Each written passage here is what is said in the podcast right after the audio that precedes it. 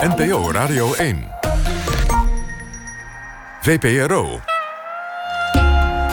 Nooit meer slapen.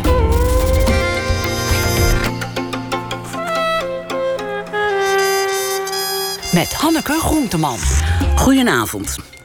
Na één uur vertelt de regisseur Nicole Kilsdonk over haar favoriete filmscène en beschouwt de schrijver Ivo Victoria de voorbije dag. Maar nu zit Matthijs Deen tegenover mij, schrijver, radiomaker. En eh, Matthijs, jij, jij bent gewoon. eh, dit is een thuiswedstrijd voor jou eigenlijk, hè? Je bent verbonden aan OVT al zolang als ik me kan herinneren. Ja, nou, het is in zekere zin geen thuiswedstrijd, want eh, de- we zitten in de nieuwe studio. Ja, dat dat, zeggen, dat is ja. heel apart. En, ehm, eh, en ik, eh, eh, ik ga niet interviewen, maar ik, jij gaat mij interviewen. Ja, is dat niet raar? Want jij maakt, nou ja, je, hebt, je presenteert heel vaak eh, OVT. En, eh, en je maakt natuurlijk de sporen terug en documentaires. Wat je ook trouwens voor Nooit meer slapen heel veel hebt gedaan. Veel reportages gemaakt, ja. Voor de grote bezuiniging. ja. Toen mocht dat nog. Is het niet raar eigenlijk om nu steeds, want je wordt natuurlijk vaker geïnterviewd, om nu geïnterviewd te worden? Ben je dan niet tegelijk bezig met. eh, Nou, ik vind het heel prettig om in een radiostudio te zitten. Er, zit iets, eh, er is iets verslavends aan. Het is iets ontzettend leuks. En het is ook zo dat als je zo'n boek hebt geschreven dan, en het komt uit... dan ben je er toch aardig vol van. Dus het is helemaal niet zo erg om daarover te praten. Maar het kan best zijn dat ik in een oude rol schiet, Hanneke... en dat ik jouw vragen ga stellen. Ja, of dat, je, of dat je zegt, ja, dat is gewoon een hele slechte vraag wat je nu stelt. maar je zegt dat boek en je wijst er ook op. Ja. Daar hebben we het nog niet over gehad. sorry. Daar hebben we het nog helemaal niet eens genoemd. De echte aanleiding waarom je hier dit hele uur zit... en dat is toch echt een, een ereplaats, vind ik zelf, Oh ja, als luisteraar. ja. Ja. Is eh, dat je een, eh, een boek hebt geschreven... en dat heet Over Oude Wegen... Een reis, een hele zakelijke ondertitel... Een reis door de geschiedenis van Europa. Ja. Ja, Maar als je zegt de zakelijke ondertitel... dan je dacht van, nou, dat had wel wat smeuiger gekund. het boek is smeuiger dan de ondertitel. Oh, mag ik het zo zeggen? Ja, dat mag. Het boek is namelijk enorm smeuig. Als dat een recensie is. Ehm, ehm, je, je hebt trouwens al een aantal hele succesvolle boeken op je naam staan. Brutus heeft honger. No- Genomineerd voor de ACO Literatuurprijs. Ja. De Wadden, bestseller. Ja, nou, ja, ik weet niet wanneer het een bestseller Ik vind wordt. het een bestseller Oké. met eh, 20.000 of weet ik veel. In ieder geval is het een heel bekend boek. Ja. Je, had bijna, je hebt altijd bijna prijzen. De Jan Volkersprijs gekregen. Ja, dat, Ja. dat is. Ja, klopt. En, en een heel leuk is ehm, een soort boer zoekt vrouw boek. Eerst heette het Moeder doen en later heette het Onder de Mensen. Mag ik daar wat over zeggen? Over, over... Een boer zoekt vrouw? Ja, want ehm, het is. Ik heb dat boek geschreven in 1997. En het, het gaat over, inderdaad, over een Groninger boer. Die een vrouw zoekt. Die een, die een vrouw zoekt. En die plaatst een advertentie. Boerenzoon zoekt vrouw. Ehm, dat is wel. eh, dat boek is dus verschenen voor het programma. Ja, het Ik- programma is na dit boek gemaakt. Juist. Ja. En ook ehm, Boven is het stil is geschreven nadat dit boek is uitgekomen. En ook De Poolse Bruid is gekomen. Allemaal Nou, copycats. nou ja, nee, dat, dat wil ik niet zeggen. Maar het, is, ehm, het, stond op een gegeven moment in het parool... Bij, toen het opnieuw is uitgegeven als Onder de Mensen vorig jaar. Ja, je leest het boek, het is een heel mooi boek. Alleen, ehm, ja, boven is het stil lijkt het toch wel erg op. En Boer zoekt vrouw, en het lijkt allemaal een beetje tweedehands. En... je kan je misschien voorstellen dat je, dat je dan toch op een gegeven moment wil zeggen... van ja, maar het is eigenlijk een beetje anders. Het anders, ja. Ik, ik voel mezelf ook een beetje kinderachtig als, als ik dat zeg. Maar ik, ik wil het toch even gezegd hebben. Ja, en het is ook trouwens een heel ander verhaal dan boven is het stil. En al helemaal dan boer zoekt vrouw. Want eh, deze boer en zijn eh, gevonden vrouw blijven bij elkaar, maar schurend en wringend. En Ja. nou ja, Ja. het is, het is weer een heel ander onderwerp. Ja. Maar ook een heel opmerkelijk boek. Maar nu is er dan het boek van Die Wegen. En ehm, ik had eigenlijk nooit over wegen nagedacht. Ja, als ik eh, de verkeersinformatie hoor, dan denk ik wel eens van... God, bij eh Sittard staat het stil. Goh.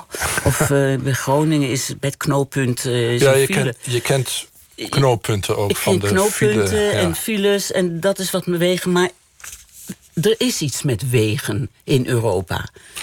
Nou, voor, voor, mij, uh, voor mij wel. Ik, ik geloof dat er, een, dat er in Europa uh, niet. Nou, la, la, laat ik de vergelijking maken met Amerika, waar je. Route 66 hebt. Nou, je, je noemt het zelf meteen. En dat is, dat is een, een, een weg die verbonden is ook met de nationale identiteit van de Amerikanen. Die moet je een keer gereden hebben. Ja, of, of in ieder geval, uh, er, is, er, zijn liederen over. Er is een, uh, The Grapes of Wrath daar, uh, van Steinbeck. Daar speelt het ook een hele grote rol. een ader die door heel Amerika loopt. Ja, van Chicago naar, naar San Francisco, ja. geloof ik. San Francisco is niet het eindpunt, maar in ieder geval daar in Californië.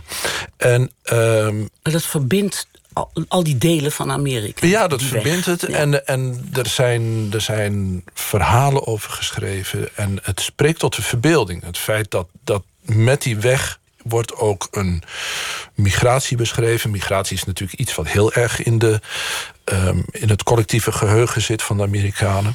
En ook iets van het verovering van het Westen. Dus er, er, er is een nationaal verhaal. Met uitzondering misschien van de mensen die er altijd al, de Indianen of de, mensen, de Native Americans, die er altijd al gewoond hebben, die kijken daar misschien anders tegenaan. Maar over het algemeen, de, de Verenigde Staten en de literatuur en de liederen die daar spelen dat soort wegen een rol in. Maar in Europa heb je dus ook wegen van eenzelfde dimensie, die ook duizenden kilometers doorgaan. Maar we hebben er helemaal niks mee. Er was ook ooit een NRC-journalist die, die heeft een. Uh, en ik, ik kon niet meer vinden wie het was, maar als ik zeg get your kicks op de E4, dan lukt dat niet. Dan voel je dat gelijk dat er iets bespottelijks is. En dat is niet mijn vinding, maar dat is dus die vinding van de journalist om dat zo te noemen. En dat maakt het direct duidelijk. Maar ik dacht dat ik heb een herinnering aan mijn vader die zei. Dan, we zijn in de auto onderweg van, uh, van Boekelo, waar ik ben opgegroeid, naar de Utrechtse Heuvelrug, Leersum, waar mijn grootouders woonden. En onderweg zei mijn vader: Dit is de E8, die loopt van Londen naar Moskou. Dat wil zeggen dat een hele normale weg, een heel normale reis, kreeg opeens een dimensie van uh, deel, dat het deel uitmaakte van iets veel groters. Van een ver beginpunt en een heel ver eindpunt. Precies, het is eigenlijk ja. een soort startmotor voor de, voor de verbeelding. Dus die, ja. die, je stelt je voor, je gaat er nou op een moment, dat was al prettig. En dat je, dat je tegelijkertijd voorstelt dat die weg die al verbonden is met zo'n prettig gevoel, eigenlijk deel uitmaakt van iets dat veel groter is. Ik kreeg opeens een heel warm gevoel bij de E8. Nou, zijn de E-wegen, die. Het, en het is niet een heel boek over de E-wegen, maar het is alleen maar een verhaal om duidelijk te maken dat er inderdaad ook grote doorgaande routes zijn op het, op, op het continent Europa. En die heette E? Ja, dat van E10, E20, E. Niet A. Nee, A is nationaal. Dus ah. de, ja.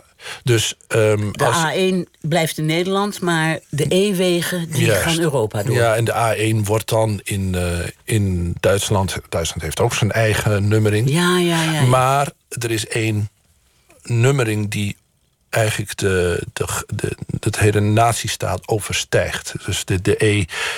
Uh, je noemt de A1, dat is de E30. En die E30 die blijft de E30 ook uh, als je in Duitsland komt. En als je in Polen komt. En als je in Litouwen komt. En als je in Wit-Rusland komt. En als je in Rusland komt. Die gaat helemaal door tot Omsk. Dus dat is, een, dat is de E30. En je herkent ze aan die kleine groene bordjes. Daarboven op, uh, op de naast A1 staat dan E30 of uh, naast A4 staat E19. Maar goed, toen, toen je met je vader in die auto naar, jullie, naar je grootouders zat... toen is er ergens een kiempje uh, in jouw geval. Ja, het heeft er ook mee te maken... En dat jarenlang gesudderd om te groeien natuurlijk. Nou, ik, ik heb wel altijd een... een dat, dat, dat, um, uh, een kleine reis, bijvoorbeeld een, een, reis met de trein van station Lelylaan naar Hilversum. Ja. Um, dan, er is een tijd geweest, dan ging die elke werkdag. Maar dan zag ik wel de Thalys staan en dacht, nou, ik ga een keer... Uh, niet in die trein, maar in die andere trein. Dus het is voortdurend het idee dat, dat, je, dat je in je gewone leven bepaalde uh, wegen gaat die eigenlijk ook staan voor iets groters. Uh, en als je die dimensie steeds ziet in je dagelijks leven, ja. dan wordt het leven veel leuker eigenlijk. Ja tot er een keer een moment komt dat je denkt... ik wil dat ook vormgeven en Ja. uitzoeken en Ja. onderzoeken. Ja. En dan wordt het fenomeen wegen iets heel ehm, veelomvattends. Want zowel wegen in de geschiedenis heb je be- bewandeld... van Ja. prehistorie tot eigenlijk bijna nu... Ja. als in horizontaal, in afstanden. Je bent ergens, je bent allemaal wegen gaan bereizen Ja, eigenlijk. nou, ook vanuit het verlangen om, om die wegen een verhaal te geven. Zodat je het idee hebt dat als je. Mocht het nou zo eens, ooit eens zijn dat je op de E5 bent, onderweg bent naar het zuiden. en denkt, ah, die eindeloze E5. dan is het misschien aardig om te denken: van ja, dat is niet alleen maar de eindeloze E5. maar dat is ook de route die de allereerste mensachtigen zijn gegaan. toen ze Europa binnenkwamen. Want eh, op het moment dat ik het contract tekende voor dit boek. toen eh, verscheen in de krant het, eh, het bericht dat er op de kust van Norfolk, dat is in Engeland, bij het plaatsje Haysborough, daar waren in, in oude blootgespoelde afzettingen waren voetstappen gevonden. En die voetstappen die bleken 800.000 jaar oud te zijn. De oudste. 100.000 jaar. Ja, dat is de oudste, dat is bijna een miljoen eigenlijk. Hè? Dat zijn de oudste eh, menselijke voetafdrukken buiten Afrika. En dat konden archeologen of wat dan ook konden Ja, die, die, die zien kunnen. hoe oud dat ja, precies. Die, door die, alle aardlagen. En, die, die- precies, die kunnen die aardlagen dateren. Ja. En ehm, dat bleek dus. Dat bleken de oudste voetstappen in Noord-Europa te zijn. En eh, de, er waren een paar botten en schedelfragmenten gevonden. van diezelfde mensensoort in Noord-Spanje. Bij Atapuerca, dicht bij Burgos. En als je een lijntje trekt tussen die grot bij Burgos, waar die schedelfragmenten liggen. En de voetstappen op Norfolk, dat loopt heel mooi langs de E- E5. Dus ik dacht, nou, 800.000 jaar geleden hebben de Homo antecessors. Die, het duizelingwekkende idee dat dat de eerste mensen waren die het lege Europa binnenkwamen. Het Europa was niet leeg, er waren allerlei beesten, maar er waren helemaal geen mensen. En zij wisten dat natuurlijk niet. Maar dat zij die route genomen hebben en dat ze de E5 genomen hebben. en dat, dat is al zo'n adembenemend hoofdstuk in je boek. Die, van die antecessors, antecessors Antecessors, ja. Die, nou ja, dat kan ik, ik kan me er al allemaal helemaal niks bij voorstellen. Maar jouw fantasie en de feiten, die hebben zich zo. De verbeelding en de feiten hebben zich natuurlijk, hebben natuurlijk een magische verbinding zijn die aangegaan. Nou, dat- dat- Want jij stelt je gewoon voor Ja, hoe ze leefden. Ja. Wat, eh, wat voor hersens, minder hersens dan wij. En wat voor vachten, wat voor huiden. ja. En eh, hoe ze aten, namelijk hun eigen kinderen opeten. Ja, nou, de- ik, waarschijnlijk, Waarschijnlijk. aten ze niet hun eigen kinderen, maar de kinderen van hun eh, concurrenten. Van op, hun ja. concurrenten, maar ze aten wel kinderen. Ja, je moet ergens dus de- in de eerste instantie denk je van, oh, die, die zijn toch aan ons verwant. En die zou ik toch best een, een handdruk kunnen geven en in de ogen kunnen kijken.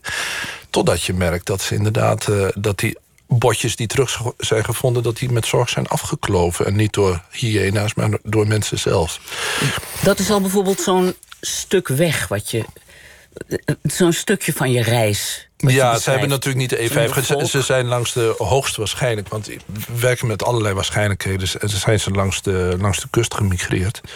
Maar het is, eh, je zegt het, eh, eh, wat je zei over feiten en verbeelding, die waar de feiten er zijn. eh, eh, heb ik ze verzameld of heb ik ze eh, mij laten vertellen door de mensen die er onderzoek naar hebben gedaan. Maar er zitten natuurlijk hele lege stukken tussen. En op basis van de verhalen die over die hele vroege mens zijn verteld. En ja, het archief wat Europa zelf eigenlijk is. Want ja, er is, Europa is, ook al is het eh 800.000 jaar geleden, niet zo bijster veel veranderd. Het lijkt een beetje op zoals het nu is. Het klimaat was toen ook ongeveer hetzelfde. Dus je, je kan je voorstellen, in Italië lagen de, de vulkanen een beetje op andere plekken. De Etna was er nog niet, er was, maar er waren wel andere vulkanen actief. Dus dit, het, en, en de kustlijn was soms wat, eh, wat lager. Maar dat maakt in de Middellandse Zee niet zo bijster veel uit. Je- was, en en dan, dan, als je dan langs die kust migreert en je kijkt... eh, probeert met de ogen van... Ik ben ook eerst naar Afrika gegaan. Dus ik wilde eerst vanuit Noord-Afrika... Europa in de verte zien liggen. Europa, dat moeilijk te bereizen continent. Dat continent pas, dat pas veel dat pas in laatste instantie is bevolkt. Veel later dan, dan, dan Azië. Ze waren al heel Azië op en neer geweest. En toen pas Europa. Want toen was het ook al moeilijk Waarom om er was te het komen. zo moeilijk om er te komen? Nou, kijk maar naar het nieuws vandaag. Naar die mensen die proberen om in Europa te komen met bootjes. En onder, onderweg verongelukken. Het is gewoon lastig. En dat was toen eigenlijk dezelfde geografische situatie. Ja, ja, want de Bosporus was er en de straat van Gibraltar. Gibraltar, was er. De straat van Gibraltar was eigenlijk niet te doen. eh, want het was eh, te breed en te, te sterke stroming. Daar kwam in de Bosporus was makkelijker. En dan kon je ook nog de Caucasus over... en dan door het zuiden van wat nu Rusland is. Maar dat was, dat was heel erg koud. En Dus je hebt gewoon met je, eh, behalve met alle informatie die je overal hebt opgediept, heb je ook je gezonde verstand gebruikt. En je eigen fysieke aanwezigheid steeds overal. ja, Want je maar- bent overal gaan Ja. reizen ook. ja, ik, ben, ik heb de, de, landschappen gezien en al die wegen. Ja, de, de reizen die ik heb. En, en ehm, niet alle wegen vielen samen met de E-wegen van nu. Sommige liepen parallel. Dus dus waar het, soms was het, waren het ook gewoon karrensporen. Dus als je het. eh, ik heb het verhaal verteld van de loteling Koenraad Nel.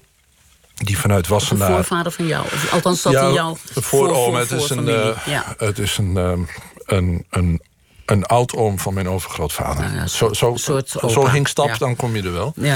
Een soort, soort oud-oom. Zo ja. heb ik er ook een hoop. Ja.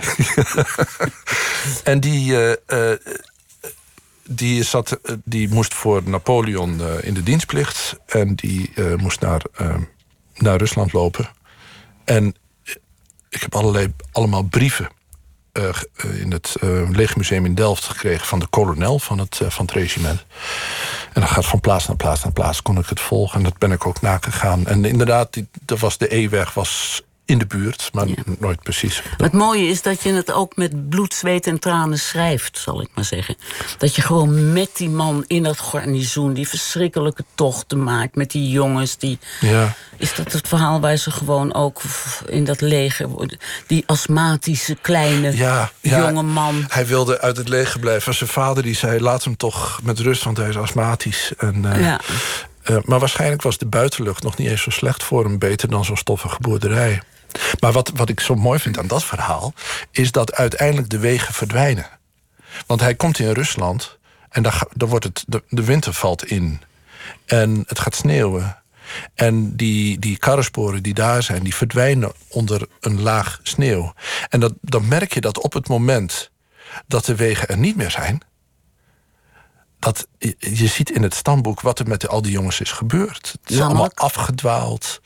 Eh Egaré staat er dan. Verdwenen Eh, gewoon. Verdwenen, kwijt, weg. Zoek. Eh, ja, ze kregen het natuurlijk ontzettend koud. Maar op het moment dat in dat enorme land, dat enorme lege land van dat Rusland, waar, waar ook grote delen van ontruimd waren, waar niks meer te eten was. En op een gegeven moment waren de wegen er ook niet meer. En dat, dat regiment valt gewoon helemaal uit elkaar. Dus dat zegt ook iets over wegen. Een, een, een weg is ook een manier om een relatie aan te gaan met een landschap. Om, eh, Het geeft ook houvast. Het geeft- natuurlijk het geeft geeft het richting, het geeft Ja. houvast. ja, Ja. want, ja.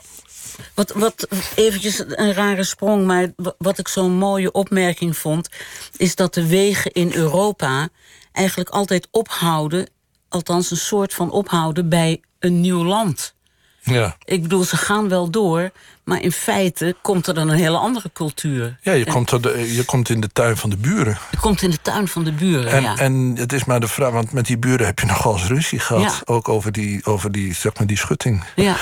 En eh, ja, wat dat- doet hij in zijn tuin, wat doe ik in mijn tuin? En, eh, wat, ehm, eh, en als, ik, als ik die grens overga, wat gebeurt er dan met mij? Komt het wel goed? Kijk, die doorgaande wegen zijn natuurlijk in de loop van de geschiedenis vooral aangelegd door mensen met kwade bedoelingen. Napoleon, Hitler. Ja, Caesar, het, het is de Caesar. Romeinen.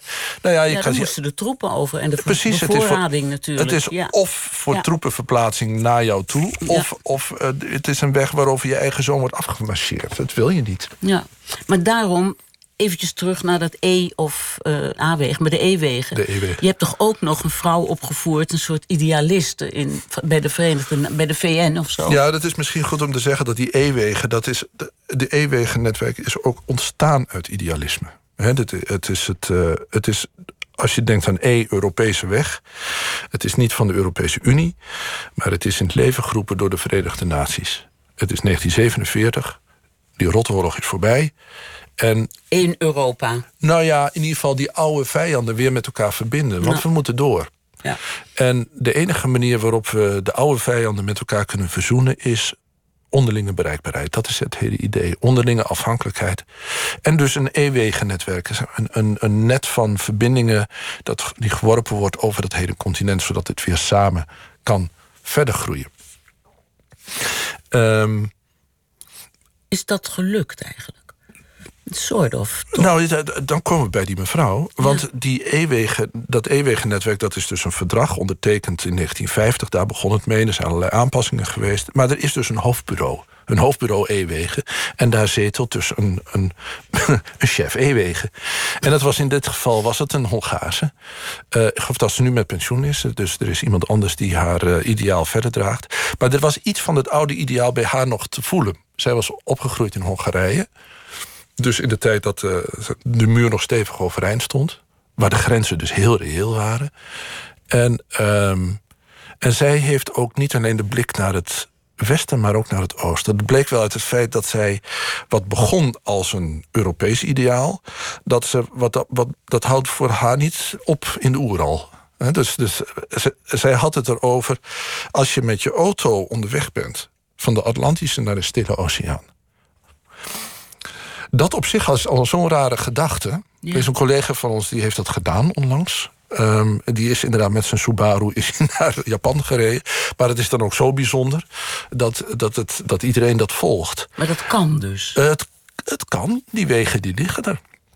Maar wat zij zegt is dat als je onderweg bent, al die grenzen over, dan is het eigenlijk alleen al voor de automobilist van het grootste belang dat in al die wegen de, de borden hetzelfde zijn, de afslagen hetzelfde zijn, de wegen even breed zijn. Dat je dus niet in verwarring komt bij elke grens.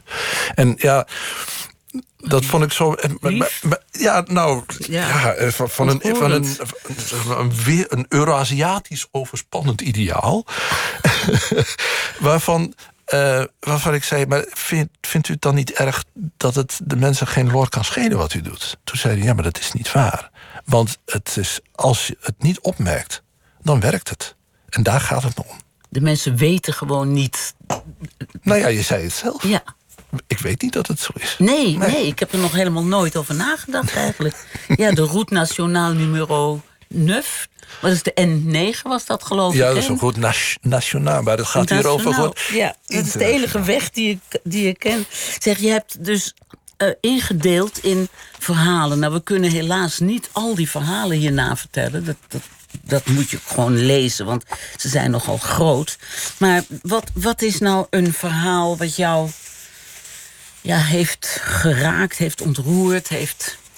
Eigenlijk is dat met al die verhalen zo. Want ehm, dat was wel nodig. Ehm, ik vond het prettig als het, als het verhalen waren waar ik nog nooit van gehoord had.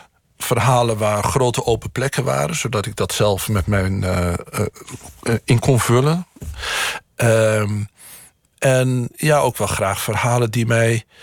Ja, nou ja, sommige kom je ook gewoon heel erg toevallig tegen. Dat is bij OVT bijvoorbeeld, eh, dat, je, dat er een verhaal van de kar is gevallen waar nooit iets mee gedaan wordt. En ik denk, nou, die onthoud ik, daar ga ik ooit nog wat mee doen. En nou, nou, laat ik het verhaal noemen van de, de Denen, van de, de Kimberen. de Kimberen. Ja. Hoe, hoe is dat op je pad gekomen? Ik luisterde naar een podcast ehm, eh, van Start the Week. Dat is een, eh, een een podcast van de, van de BBC. Dat wil zeggen, het is gewoon een radioprogramma, maar daar is een podcast van. En daar, eh, het ging over een tentoonstelling eh, van de Kelten. Een overzicht tentoonstelling van de Kelten in het eh, museum in Londen. En dat daar een ketel stond. Een ketel. Een ketel, ja. En, en die ketel, dat is een, een ketel... eh, daar raakten ze maar niet over uitgepraat. Over die ketel. En ik raakte enorm geïntrigeerd. Want dat triggert jou. ja, dat, dat, Ketel. Ja. nou ja, een, het, het was een. eh, eh, iedereen rond die tafel, want dat is een, een programma waar zitten een aantal mensen rond die tafel. die, die, die raakten in, in steeds grotere staat van opwinding over die ketel. En toen dacht ik, wat is er toch mee aan de hand? Eh, en ze wisten ook allemaal... Ik wist ook niet dat die bestond. Het was de ketel van Gunderstroep. Nooit van gehoord. Het was een ketel die in het begin van vorige eeuw... gevonden was ergens in het Veen in Drenthe. Nee, in, in, ik, ik zeg Nee, Drenthe, maar in, in, in Denemarken, in Jutland... zoals je ook het Veen in Drenthe hebt. Dus ook een plek waar van die veenlijken boven komen. Net als hier in Drenthe. En, eh, maar er staan allemaal Kelten op. Maar er staan niet alleen Kelten op. Er stonden ook Thraciërs op, Bulgaren... die helemaal niks met Kelten te Die maken waren hebben. allemaal ingecizeleerd. in- Ja, precies. Als afbeeldingen. Ja, en bovendien is het zo dat, dat Kelten zichzelf nooit, nooit afbeelden. Eh, die, de, de, kunst van de Kelten was meer een soort... Ja, met, met, met geometrische figuren of eh, slangenfiguren. Eh, dus dat, dit waren Kelten afgebeeld door een, een ander volk... en gemaakt, zeker niet in Denemarken. Tweede eeuw voor Christus, waarschijnlijk in Bulgarije. En dan heb je jou. Ja, daar heb je mij. Ja. Want hoe komt, een de ketel, ja. hoe komt een ketel uit Bulgarije terecht in Denemarken? ja, goed. Dat is dus alweer een heel verhaal. Ja, Het verhaal van. Ja, ik kan ze allemaal. Ik, ik, vind, ik vind de ontstaansgeschiedenis al zo mooi. Want dat verhaal over die Kelten. dat is nog, heeft nog een soort dramatische ontknoping. Het begint ook altijd bij jouzelf. Dat is ook zo leuk. Hmm. En het eindigt toch eigenlijk vaak met een knal. Zo ja dit het, loopt dat- niet, de- het loopt niet altijd goed af. hè? Nee, in dit geval dat er een, een, soort heldin uit Denemarken blijkt helemaal niet Deens te zijn. Enfin, Ja, ja. Ze hebben zich altijd een, verkeerde heldin gehad. De gelukzoeker. Ja, laten we het. Dan komen we wat dichter bij huis, Hanneke, vind je niet? Want- Dichter bij mijn huis in ieder geval. Nou ja, het blijkt, Bij een, ons huis ook, eh, ja. blijkt een voorouder van jou in te staan in het hoofdstuk. Dat wist ik natuurlijk niet. Maar ehm, Toen je het schreef niet? Nee. Nee, nee. maar dat, dat, de gelukzoeker, dat, was, eh, was ik, dat is het laatste hoofdstuk. Ik was heel erg op zoek naar een, naar een, een, een grensoverschrijdende reis in de, nou ja, de, de 16e of de 17e eeuw. Omdat daar stond nog een groot gat. En dat is ook een eeuw waar natuurlijk ontzettend veel over geschreven is. En eh, ja, vind dan maar is iets wat, wat toch heel herkenbaar is, eh, maar onbekend. En ik was in de, in de KB. Ehm, Koninklijke Bibliotheek. in, eh, in Den Haag. En er was, eh, ik was uitgenodigd om eh, een lezing bij te wonen. En dat was een lezing van Olga van Marion. Een Nederlandica, historisch, historisch letterkundige. Die een, een praatje hield over Spaans toneel... in de tijd van Vondel Bredero Hoofd. Weet je wel, Vondel Bredero Hoofd, Gijsbrecht. Toneelstukken die natuurlijk verdienstelijk zijn... Ja, in hun soort, ja. maar waar je toch bij in slaap kan vallen. Zeker. Ja. Nou blijkt dat in die tijd dat, dat ons land in oorlog was met Spanje, dat aan het eind van die Spaanse van, van die 80-jarige oorlog er toneel was in Amsterdam dat veel en veel en veel Feestelijk populairder was Ja. eh, dan het Nederlandse toneel. En dat was eh, Spaans toneel van Lope de Vega. Eh, en de vraag is, hoe komt in een tijd dat we in oorlog zijn met Spanje... en dus de grenzen potdicht zitten, die kant op... hoe komt dan dat Spaanse toneel in Amsterdam terecht? En dan komen we dus bij het... eh, Bij de vluchtelingen van de Inquisitie uit. Spanje, Portugal, de Joden. Ja. Bekeerde Joden die. Ja, want in dit geval vond ik het aardig om niet een, eh, om niet een persoon als hoofdpers eh, al een reis te laten maken, maar een personage. En dat werd Hester. Ja. Eh, Hester is, dat is een, eh, of Esther. Esther, het Bijbelboek Esther. eh, het, het verhaal van Esther is, staat aan de basis van het Joodse Purimfeest. Esther is eh, in ballingschap, wordt uitverkoren door de koning... die, die zijn eigen vrouw heeft verstoten en een nieuwe vrouw wil. Die kiest Esther uit. Esther verbergt dat zij Jodin is, want dat mag niet. Want die Jodinnen, de Joden worden, oud verhaal, vervolgd. Ehm, dus zij eh, is koningin en eh, maakt van die positie gebruik eh, om degene die eh, de vervolgingen ten uitvoer brengt, ten val te brengen. En dat is voor. Dat bleek een ontzettend populair stuk te zijn bij die Joden die van het Iberisch Schiereiland naar het noorden waren gevlucht voor de Inquisitie uit. Je zou zeggen, ze willen niks meer met Spanje te maken hebben of met Portugal. Maar zo is het niet. In Nee. Amsterdam, die hele, het heeft 150 jaar geduurd voordat ze hier voor het eerst kwamen... dat ze hun Spaanse spulletjes eindelijk eens een keer op zolder gooiden. Ja, ja, begrijp ik wel. Ja. En, Als je ver en, van huis en haard bent, Zeker. het zit toch diep, je afkomst. ja, en ze waren dol op toneel. Ja. En dat vond ik ook zo mooi. Want als jij op het, in Spanje of in Portugal leeft... en je, bent, je hebt je gedwongen moeten bekeren... wat hè, gebeurde Ja. met de Jood. Want je mocht geen Jood meer zijn, je moest je bekeren. Dat is de inquisitie. Converso. Ja. Eh, Je, je, je moest een nieuwe christen worden. En dan werd je ook altijd nog met argwaan bekeken. Van, eh, Geen echte. precies, eet je wel goed? Hè? Eet je wel eh, varkensvlees en dat soort dingen? En, en wat doe je op zaterdag? Ehm, dat, die mensen die moesten zich dus eigenlijk voortdurend verhullen. Ja. Vind je het dan gek dat ze zo dol zijn op toneel? En dan, ik heb het verhaal genomen van één van die Sephardische vluchtelingen, Jacob Barocas.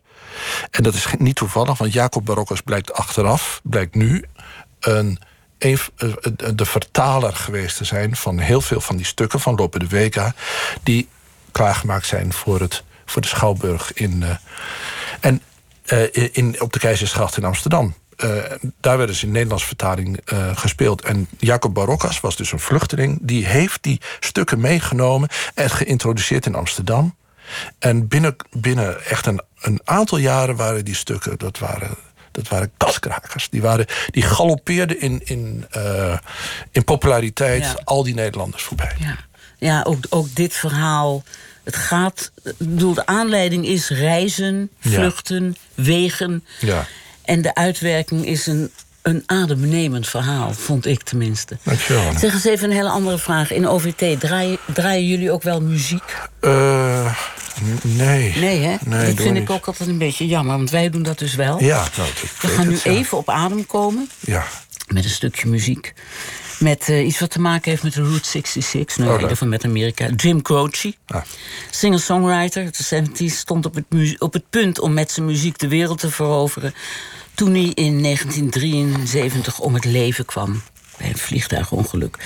Zijn grootste hit was Time in a Bottle. De Zweedse singer-songwriter Lieke Lee maakte er deze cover van. Time in a Bottle.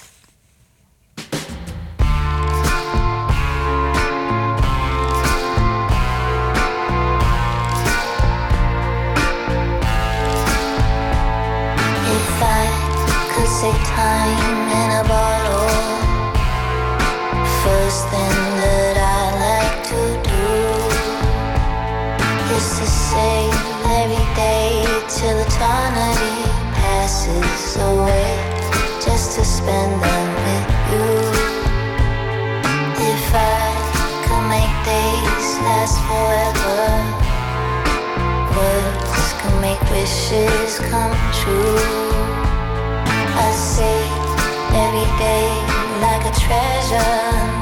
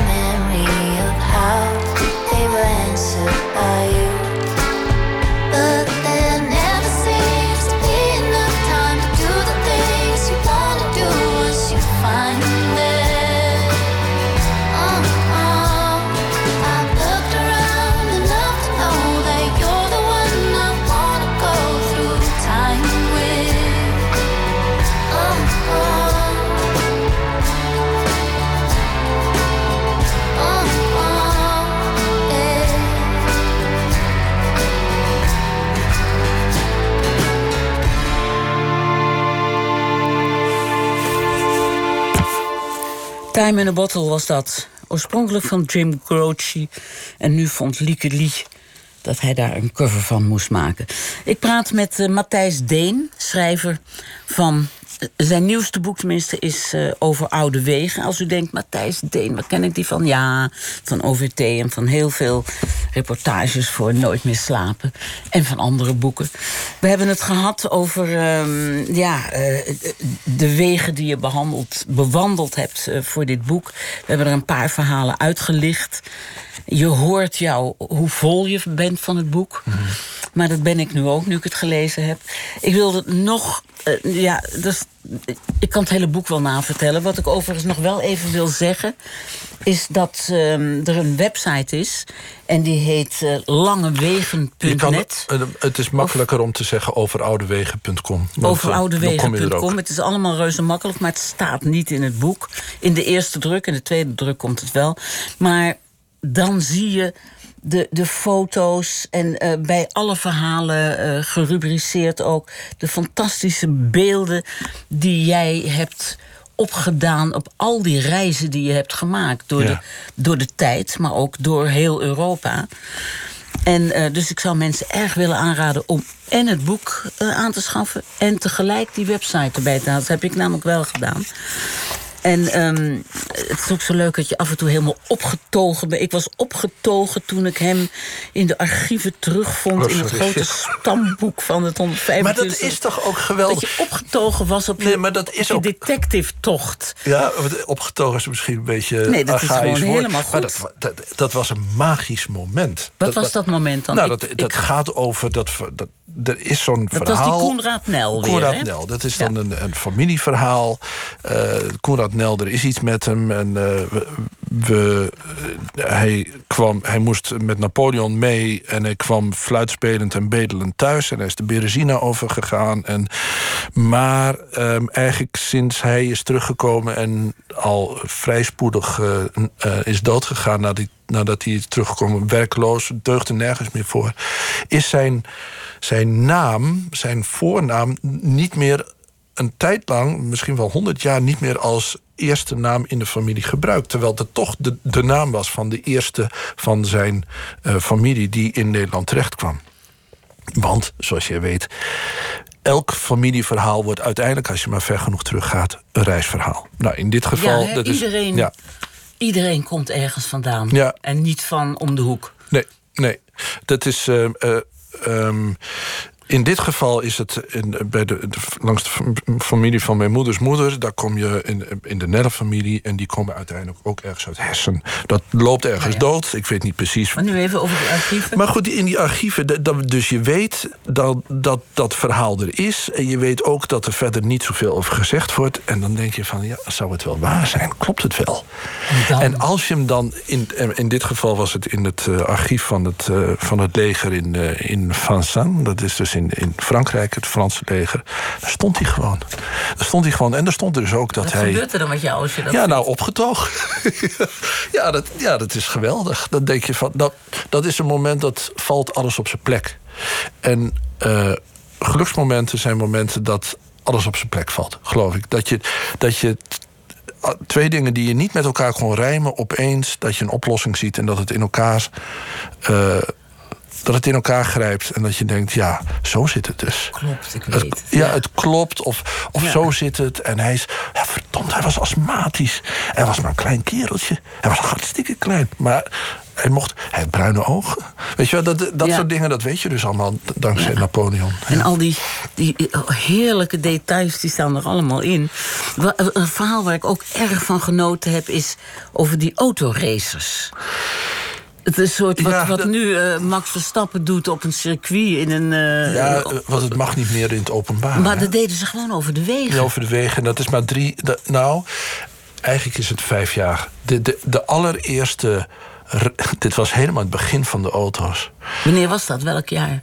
Eh, volgens mij Amsterdam. Parijs-Amsterdam, die staat niet in het hoofdstuk, maar dat is zelfs eind 19e eeuw. Maar daar was, 18 zoveel. ja, 18, 1898 of zo. Dat, dat, dat, 90, dat ja. is in ieder geval, het, het was bijna 1900, maar de, de, de races die ik beschreven heb, dat is 1901, 1902, 1903. En 1901. Je moet je voorstellen, de, de Frankrijk was het epicentrum van de automobiel. Uh, Duitsland voelde. later Renault, Citroën en alles werd. Ja. Renault, de- eh, Renault deed mee. Ja, en Panhard. Ja. Eh, de, Di- de, de Dietrich was dus ook... Dus waren ook Duitse merken die probeerden mee te doen. Maar die, de, de, dus de, automo- de auto was in ontwikkeling. En doordat er elke jaar een reis werd ge- georganiseerd... eerst van Parijs naar Berlijn, oude vijanden... Maar met die auto's, met die, met die symbolen van de nieuwe techniek... gingen opeens de slagbomen open. En was een enorm enthousiasme. Want 1870, 1871 waren ze, ze waren eigenlijk aardsvijanden. Maar door dit initiatief was er opeens iets heel aparts aan de hand. Ik, ik- de excitement over die hele nieuwe techniek deed mij ook denken aan Elon Musk die naar de maan gaat, weet je wel? Ja. Ik bedoel, zo opgewonden waren ze over die gemotoriseerde. Nou, maar ik denk dat Musk ook het gevoel heeft dat hij daarmee eh, een steentje bijdraagt aan het redden van de wereld. Ja. Dus dat met een enorm. Maar dat eh, was toen ook. Ja, dat, dat was. Dat, dat, dat- ik, ehm, eh, mensen waren ervan overtuigd dat. Eh, de techniek ze uiteindelijk naar het paradijs zou voeren. Ze zagen nog niet, de Eerste Wereldoorlog was nog niet geweest. De, de techniek had nog niet zijn tanden laten zien, had nog niet laten zien wat voor monster het kon Wel zijn. een bovenmenselijke snelheid. Ja, en dat werd eigenlijk al. Dat is dus een vooraankondiging van de grenzen eh, van, eh, en de gevaren van die techniek. Is dat 1901 ging het van Parijs naar Berlijn. 1902 ging het van Parijs naar Wenen. Dat was al een. een met een bergbeklimming erbij. Remmen deed het niet goed. Eh, eh, de wegen in Oostenrijk waren vreselijk. Dus daar vielen die auto's ook Ook op die vierde dag met ijzerdraad in elkaar eh, ge- geknutseld. en in 1903 en, en, en, en die, die dus, wat je noemt, Panhard en Renault en de Dietrich en de Mors, die, maakten, die, die waren bezig met die, met die auto's steeds sneller te maken. En in 1903 was de grens bereikt, want dat, dan zouden ze van Parijs naar Madrid gaan.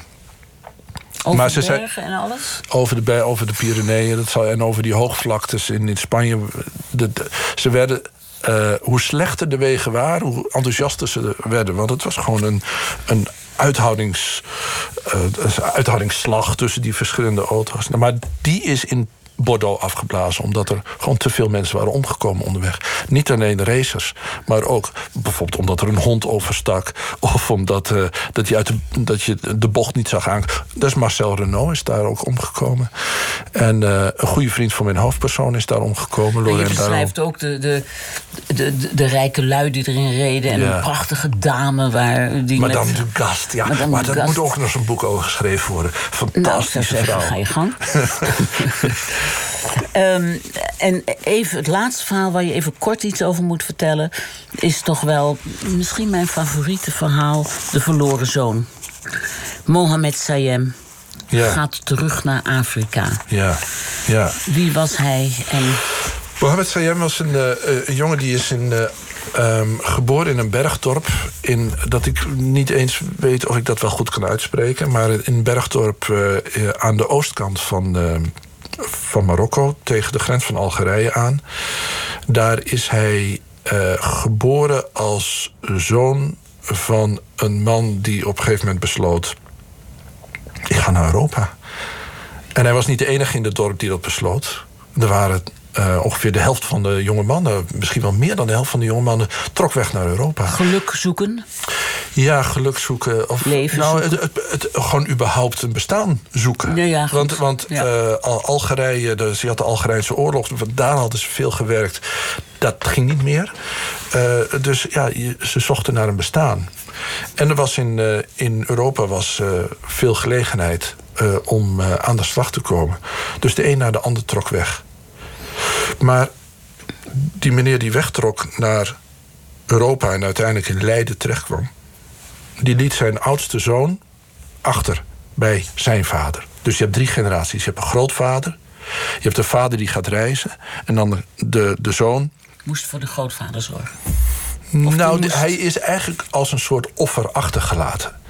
Als een soort belofte, ik kom terug. Ja, ja. Dus ehm, dat was eigenlijk. ehm, ehm, Maar, maar het, zo ging het niet, want die jongen, die, eh, die, die man die, was, eh, die, die kreeg voet aan de grond in Europa. En die kwam zijn vrouw halen en die kwam zijn andere kinderen halen. En die oudste zoon die bleef achter daar. En op een gegeven moment dacht hij, ja, ik wil ook. Maar zijn grootvader die dacht, zolang die kleinzoon hier is... weet ik zeker dat ze allemaal weer terug zullen komen. Dus op het moment dat die, dat die kleinzoon vertrok... toen dacht die grootvader, ai, dit gaat niet goed. Nou, dat dorp waar die woonde... dat was alleen bereikbaar via een ezelpad. Dus je kon er niet met de auto komen. En op een zeker moment heeft die, die, die grootvader, die ook dorpsoudste was... heeft twee van zijn neven uit het dorp... drie oude mannen met van die zo grote... zo'n puntmuts en zo'n hele prachtige... Jalaba's. ja, die besloten om naar Europa te gaan... en langs al die, die diaspora van het dorp te gaan reizen... om ja. geld in te zamelen om een weg aan te leggen... zodat het, het dorp ontsloten kan worden. Dus toen ik in Berkaan kwam, waar Mohammed Sayyam, de kleinzoon, eh, werkte... want die is uiteindelijk weer teruggegaan naar Afrika... vandaar de verloren zoon... die zei, ik zal jou een Europese weg laten zien... want die hebben we hier. Dat is die weg naar Die met het dorp... Europees geld, althans van de... Precies. Dat is het, het, de, de weg naar het dorp eh, waar ik ben opgegroeid. En waar mijn ouders dus nooit zijn teruggekomen. En waar mijn grootvader uiteindelijk over die weg die hij zelf heeft laten aanleggen... het dorp ook verlaten heeft om ergens anders dood te gaan. Nou, die Mohammed Sayyam, die, die, die had mij beloofd om het, eh, om het hele verhaal te vertellen. Want ik, ik had ook nog, ik moest door. ik moest naar Tanger. Ik wilde ook Europa uit de vette liggen. Ik had een vrij, eh, vrij eh, strikt schema. En hij zei, we zien elkaar wel weer. Maar zorg dat je niet in het donker rijdt. Want dat kan niet in Marokko. En ik was het, het- het- een jaar daarna eh, hoorde ik thuis dat hij was verongelukt in Marokko. midden in de nacht. Had in het donker gereden. Hij had in het donker gereden. Ja. Ja, en toen hebben eh, zijn zussen en, en een broer Ja. hebben het verhaal afgemaakt. Ja. Het is een eh, modern Bijbels verhaal, ongeveer. Ook dat er altijd een extra, extra eten werd gezegd voor iemand die langs kon komen. Ja. Er had ook heel veel Joodse elementen, gek genoeg, bij deze moslims. Ja, dat is, dus, Dat is natuurlijk heel vaak. Het, eh, ehm, je hebt het over de, het idee dat je een, een Altijd. extra bord dekt voor Elia. ja. Want die kan langskomen. Ja. Deze grootvader die dekte altijd extra. Waarschijnlijk Voor uit de hoop Messias, dat er ja. iemand eh, terug zou komen. Zeg, Matthijs, dit, hoe lang heb je over dit boek gewerkt, aan dit boek gewerkt? Eh, eh, in, in, in fases, een jaar of vier, denk ik. Maar d- dus niet voortdurend, hè, want... Hm. Nee, want je hebt gewoon ook al je radiowerk gedaan en je, Ja, en, eh, je, je ik- werk. Ja, en ik heb, eh, ik heb twee zoons en eh, ik kook en ik doe boodschappen. En je moet elke maandagochtend pannenkoeken voor ze bakken voor ze naar school gaan. Weet je dat? Omdat ik dat ergens gelezen heb. Dat vond ik zo'n ongelooflijk lief detail. Al- Als troost dat ze weer zo'n hele week naar school moesten... kregen ze 's ochtends maandagochtend pannenkoeken. Ja. Een top idee, vind ik dat. maar heb je nou het gevoel dat je... Heb je nou het zelfvertrouwen dat je nu echt wel een historisch, literair wezen bent? Nee. Nee. Nee, dat zelfvertrouwen, maar dat, dat, dat heeft ermee te maken. Maar dat is een beetje een generatieverhaal, denk ik. Hoewel, het, het is wel beter geworden dan het vroeger was. Wat is het generatieverhaal dan? Nou, dat heeft, eh, heeft, heeft, heeft te maken... Nou, dat is de manier waarop ik het... Ik kan niet voor een hele generatie spreken. Maar ik ben natuurlijk... eh, als het gaat over hoe ik zelf nadenk over, over het feit dat ik eh, boeken schrijf... en wat het waard is... als je dan teruggaat naar de tijd dat... eh, ik ben van 1962. Dat wil zeggen dat op het moment dat ik begon te lezen... was de Nederlandse literatuur was doordezend met de grote verhalen... die vaak met de oorlog te maken hadden. Maar ik ben, ehm, ik ben een jongen van de vrede. Dat wil zeggen dat als jij... eh, dus de generatie van Zwageman... die op een gegeven moment ook wil gaan schrijven... maar denkt, ja, waar moet het over gaan? Want in feite zijn alle verhalen die wij kunnen vertellen... vallen op een of andere manier in niets... bij de verhalen van de vorige generatie... die alles overvleugelen.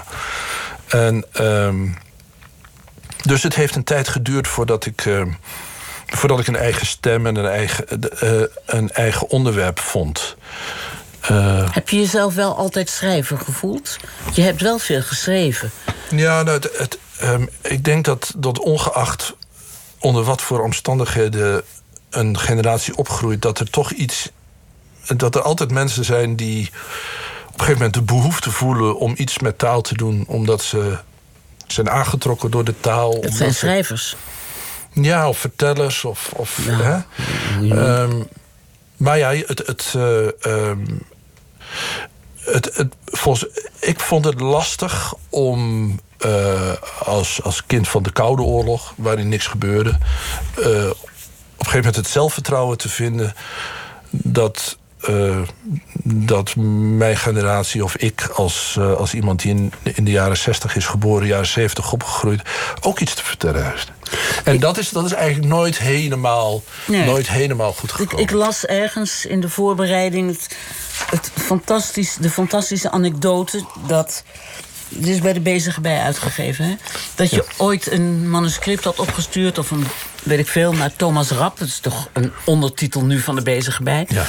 En dat ehm, Thomas Rapp zelf, geloof ik, terugbelde en jouw vrouw aan de telefoon kreeg.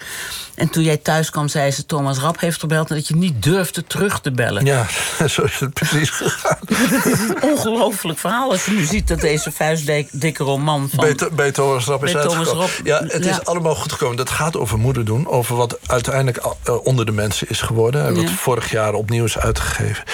Ja, nou, eh, het, het had ook te maken met een soort... ehm, trouw aan het feit dat ik, dat ik al met passage in Groningen bezig was. Dat is eh, de Anton Scheepstra, een ja. kleine uitgeverij. Maar, maar wel eentje die mij het vertrouwen had gegeven. Maar ik, ik had toch het. Ik wilde heel graag die sprong maken. Maar je wou hem niet in de steek laten. Maar ik wil hem maar niet in de steek laten. En je vond- je maar- wou ook niet pedant zijn. En, ja, eh, nou, dus, dus ik kwam heel erg in de probleem met het feit dat ik, dat ik het toch niet had kunnen laten om me naar Thomas erop op te sturen. Terwijl ik er eigenlijk niet durfde, maar er wel naar verlangde. Weet je wel? En dat, daar zit het precies in. Want als ik gewoon ja, heel erg overtuigd was geweest van mezelf, dan had ik gezegd: Nou, passage, het is, ik heb een betere of zo. Ja. Of iets met een groter bereik. Maar uiteindelijk is het dus toch ditzelfde boek, uiteindelijk toch Ja. via een omweg bij Thomas Rapp uitgekomen. En het wordt nou vertaald in het Duits. En de- dus het is, het is ontzettend eh, grappig en met, omwegverhaal. met de Wadden ben je natuurlijk echt op jouw terrein gekomen. Ja. Ik bedoel, de geschiedenis van de Wadden en alles en iedereen die daarmee te maken heeft. Wat, is, wat, wat, wat doet dit boek met je? Wat, wat, wat voor gevoel heb je met bij Over Oude Wegen? Ehm, ik denk dat het. ehm, ehm, dat ik het ook heel. Dat ik een diepe behoefte voel om Europa een verhaal te geven. Eh, waarin het feit dat mensen reizen en niet altijd op één plek blijven. En dat er migratie is binnen Europa.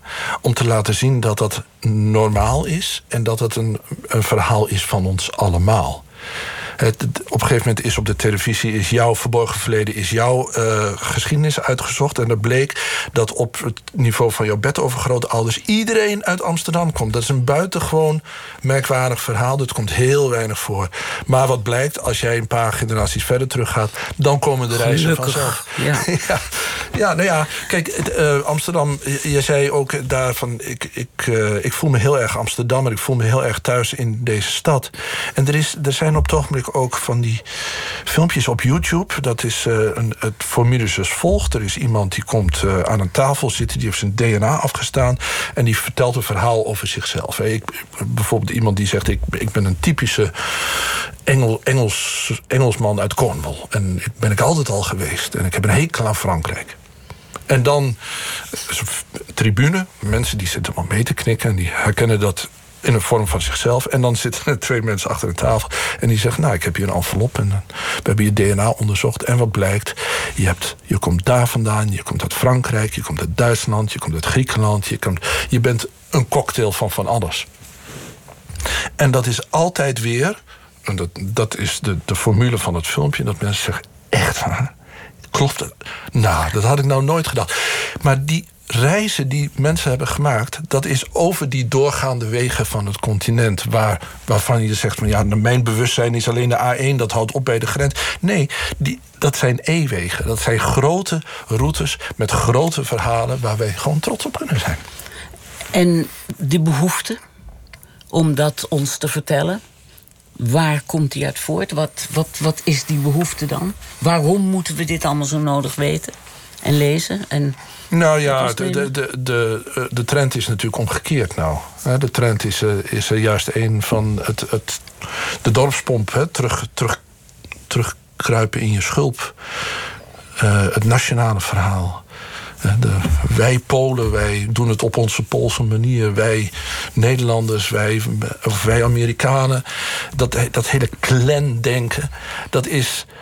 Um, uh, ik begrijp wel. Eh, er is natuurlijk een, een, een, er is van alles gebeurd. Er is een, grote immigratiestromen zijn er geweest. En er is veel angst en er is veel onzekerheid. Maar um, ja, ik, ik denk dat het. Dat, dat, um, ik, ik, wil een tegengeluid laten horen. Hm. Ik wil een geluid laten horen dat we allemaal op drift zijn geweest. En dat we allemaal ergens vandaan komen. En eigenlijk die stromen waar nu zo over wordt gedaan, die rondtrekken, die zijn er eigenlijk altijd geweest. Hè? Ja. Ja, en die, hebben, die hebben ook altijd voor problemen gezorgd. Dat, dat wil ik helemaal niet ontkennen. Ja. want want de, de geschiedenis van Europa is, is ook uh, ja, vanaf het allereerste begin uh, buitengewoon. Uh, um, gewelddadig geweest. Hè. Die, die, de, oudste, de oudste schedels die gevonden zijn, zijn of afgekloven of ingeslagen.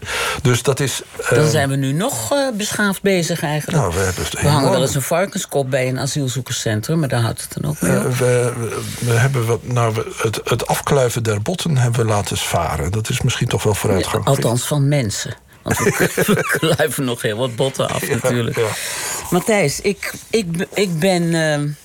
Erg onder de indruk van dit boek. En ik ben heel blij dat ik het gelezen heb. Nou, ik ben heel erg vereerd, Hanneke. Wat ontzettend leuk dat je dat zegt. En ik meen het. Ja, ik... Dank je wel dat je er was. Heel graag.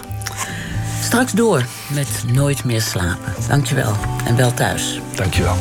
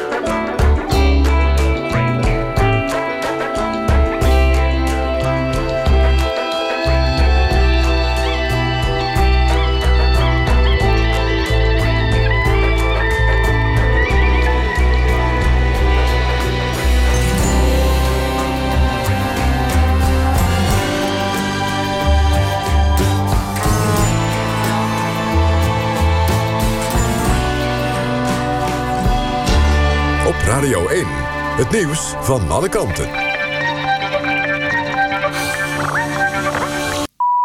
Het is één uur, even kunnen met het NOS-journaal. Een grote groep prominente vrouwen uit Frankrijk zamelt geld in voor hulp aan slachtoffers van seksueel geweld. 130 vrouwen zijn de actie begonnen, onder wie zangeres Vanessa Paradis en actrice Julie Gaillet. Ze willen 1 miljoen euro bij elkaar krijgen. De actie is ingeluid met een videoboodschap. We hebben geleden, geschreeuwd en gedebatteerd. Nu gaan we wat doen, is de oproep. Sinds de MeToo-discussie is volgens de actiegroep... het aantal klachten over seksueel geweld in Frankrijk met 30% gestegen. Hulporganisaties raken daardoor overbelast. Flink meer Nederlandse boeren zijn het laatste jaar suikerbieten gaan verbouwen, meldt het CBS. De oppervlakte aan de bieten is in een jaar tijd met 21% gegroeid naar 85.000 hectare.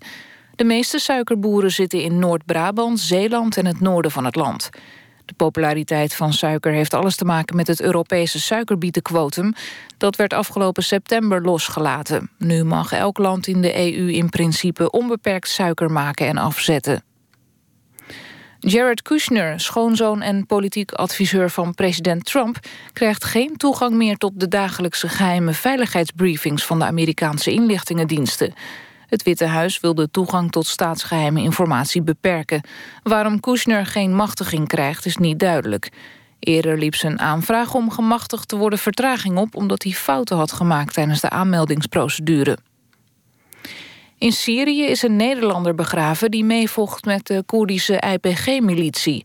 Sjoerd H. kreeg een ceremoniële uitvaart, meldt de website van buitenlandse IPG-strijders. Daar staat ook dat hij zich ruim een jaar geleden aansloot bij de IPG om in het noorden van Syrië te vechten tegen IS. Hij zou om het leven zijn gekomen in Deir door een autobom. Het weer nog. Vooral in het noorden kans op sneeuw. In de loop van de nacht trekken de sneeuwbuien weg. De temperatuur daalt naar min 6 tot min 10. Morgenochtend flink wat zon, maar met een krachtige oostenwind wordt het ijzig koud. Het wordt smiddags min 3 tot min 5. Dit was het NOS Journaal. NPO Radio 1. VPRO. Nooit meer slapen.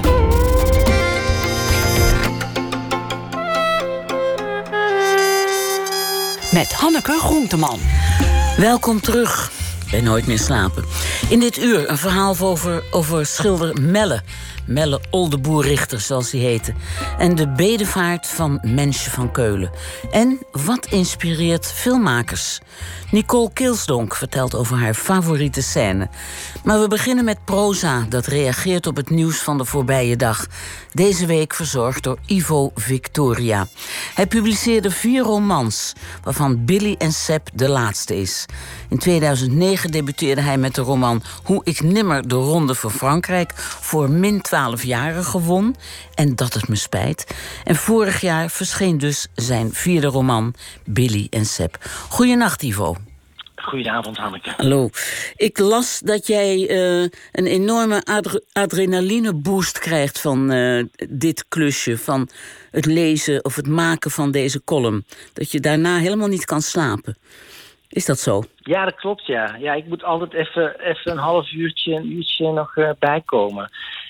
Ja, ja. Waarvan dan eigenlijk? Hoe komt dat? Geen Ja, dat kan ik niet verklaren. Dat, dat uh, toch, ja, het is toch een soort van uh, moment dat het even moet gebeuren. En dan daarna, dan moet ik even, hoe zeg je dat, chillen. Chillen met een glaasje wijn, doe ik dan. En als je eerlijk bent, met een sigaretje?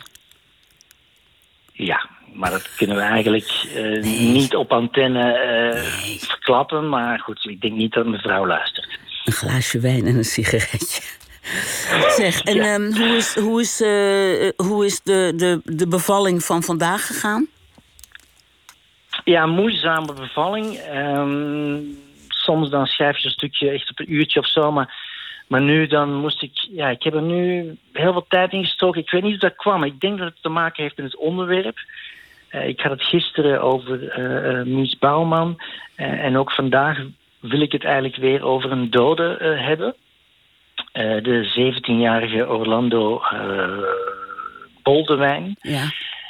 Die afgelopen nacht is teruggevonden in het water. Wat een naar verhaal, hè? Daar heb je van gehoord. Ja, tuurlijk. Een heel na, ja, naar verhaal. En dat zat me niet helemaal lekker. Ook omdat het een beetje een vreemd verhaal is. Hè. Na alle publiciteit rond Anna Faber enige tijd geleden... was dit een verhaal dat heel lang onder de radar bleef. Hè. Die jongen was al een week uh, van de radar verdwenen. En uh, daar kwam eigenlijk heel weinig om. Er was heel weinig om te doen eigenlijk. Hè. Het kwam eigenlijk pas in de aandacht toen mensen begonnen te zeggen dat het niet in de aandacht kwam. Ja. Ik... En ja, dat, dat, ik weet niet hoe dat komt, dat, dat, maar dat zat niet lekker. Moeilijk om daar de goede woorden voor te vinden. Ik ben benieuwd. Ga je gang. De betekenis van de naam Orlando is heldere zon. Je zou denken, dat is een jongen voor het geluk geboren. Maar op de foto's oogt hij een tikje teleurgesteld. Misschien ging hij voor zwoel. Tevens zou Orlando moedig en dapper betekenen. Daarover is verder niks bekend, maar ik wil het graag geloven. Ik heb in mijn leven nog nooit via een app een afspraakje geregeld. Ik weet niet of ik dat zou durven. Ik weet niet wat het is om die durf nodig te hebben om jezelf te kunnen zijn. Tot slot is Orlando een naam afgeleid van Roeland. En Roeland betekent dan weer beroemd in het land. Dat is niet gelukt. Verdwijnen en op gruwelijke wijze sterven is geen wedstrijd. Toch denk ik dat we kunnen stellen dat Orlando Boldewijn hem verloren heeft. Om dat te weten hoeven we slechts de namen te noemen van wie hem in het recente verleden zijn voorgegaan, zonder dat we de betekenissen ervan hoeven op te zoeken, zonder hun lot te ontkennen, zonder toe te geven dat wij niet meer weten wat er verder nog gebeurde in de week dat ze gevonden werden. Er stond geen marathon op natuurijs gepland. De zon. In feite was er in de voorbije weken geen ontkomen aan. De zon, de heldere zon, omringd door schapenwolkjes, spelend in het hemelblauw. De zon, de heldere zon. Wie erop lette viel het op. Hij oogde een tikje eenzaam. De zon, de heldere zon. Zelfs al kon hij schreeuwen, we hadden hem niet gehoord. Iedereen hield de blik gericht op het diepe, donkere water. En samen hebben we gewacht totdat het dichtvroor. Wat een prachtig, prachtig stukje, Ivo. Dankjewel. Neem er een glaasje wijn op en tot morgen. Tot morgen.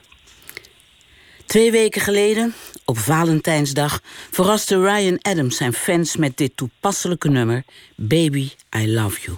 If I lie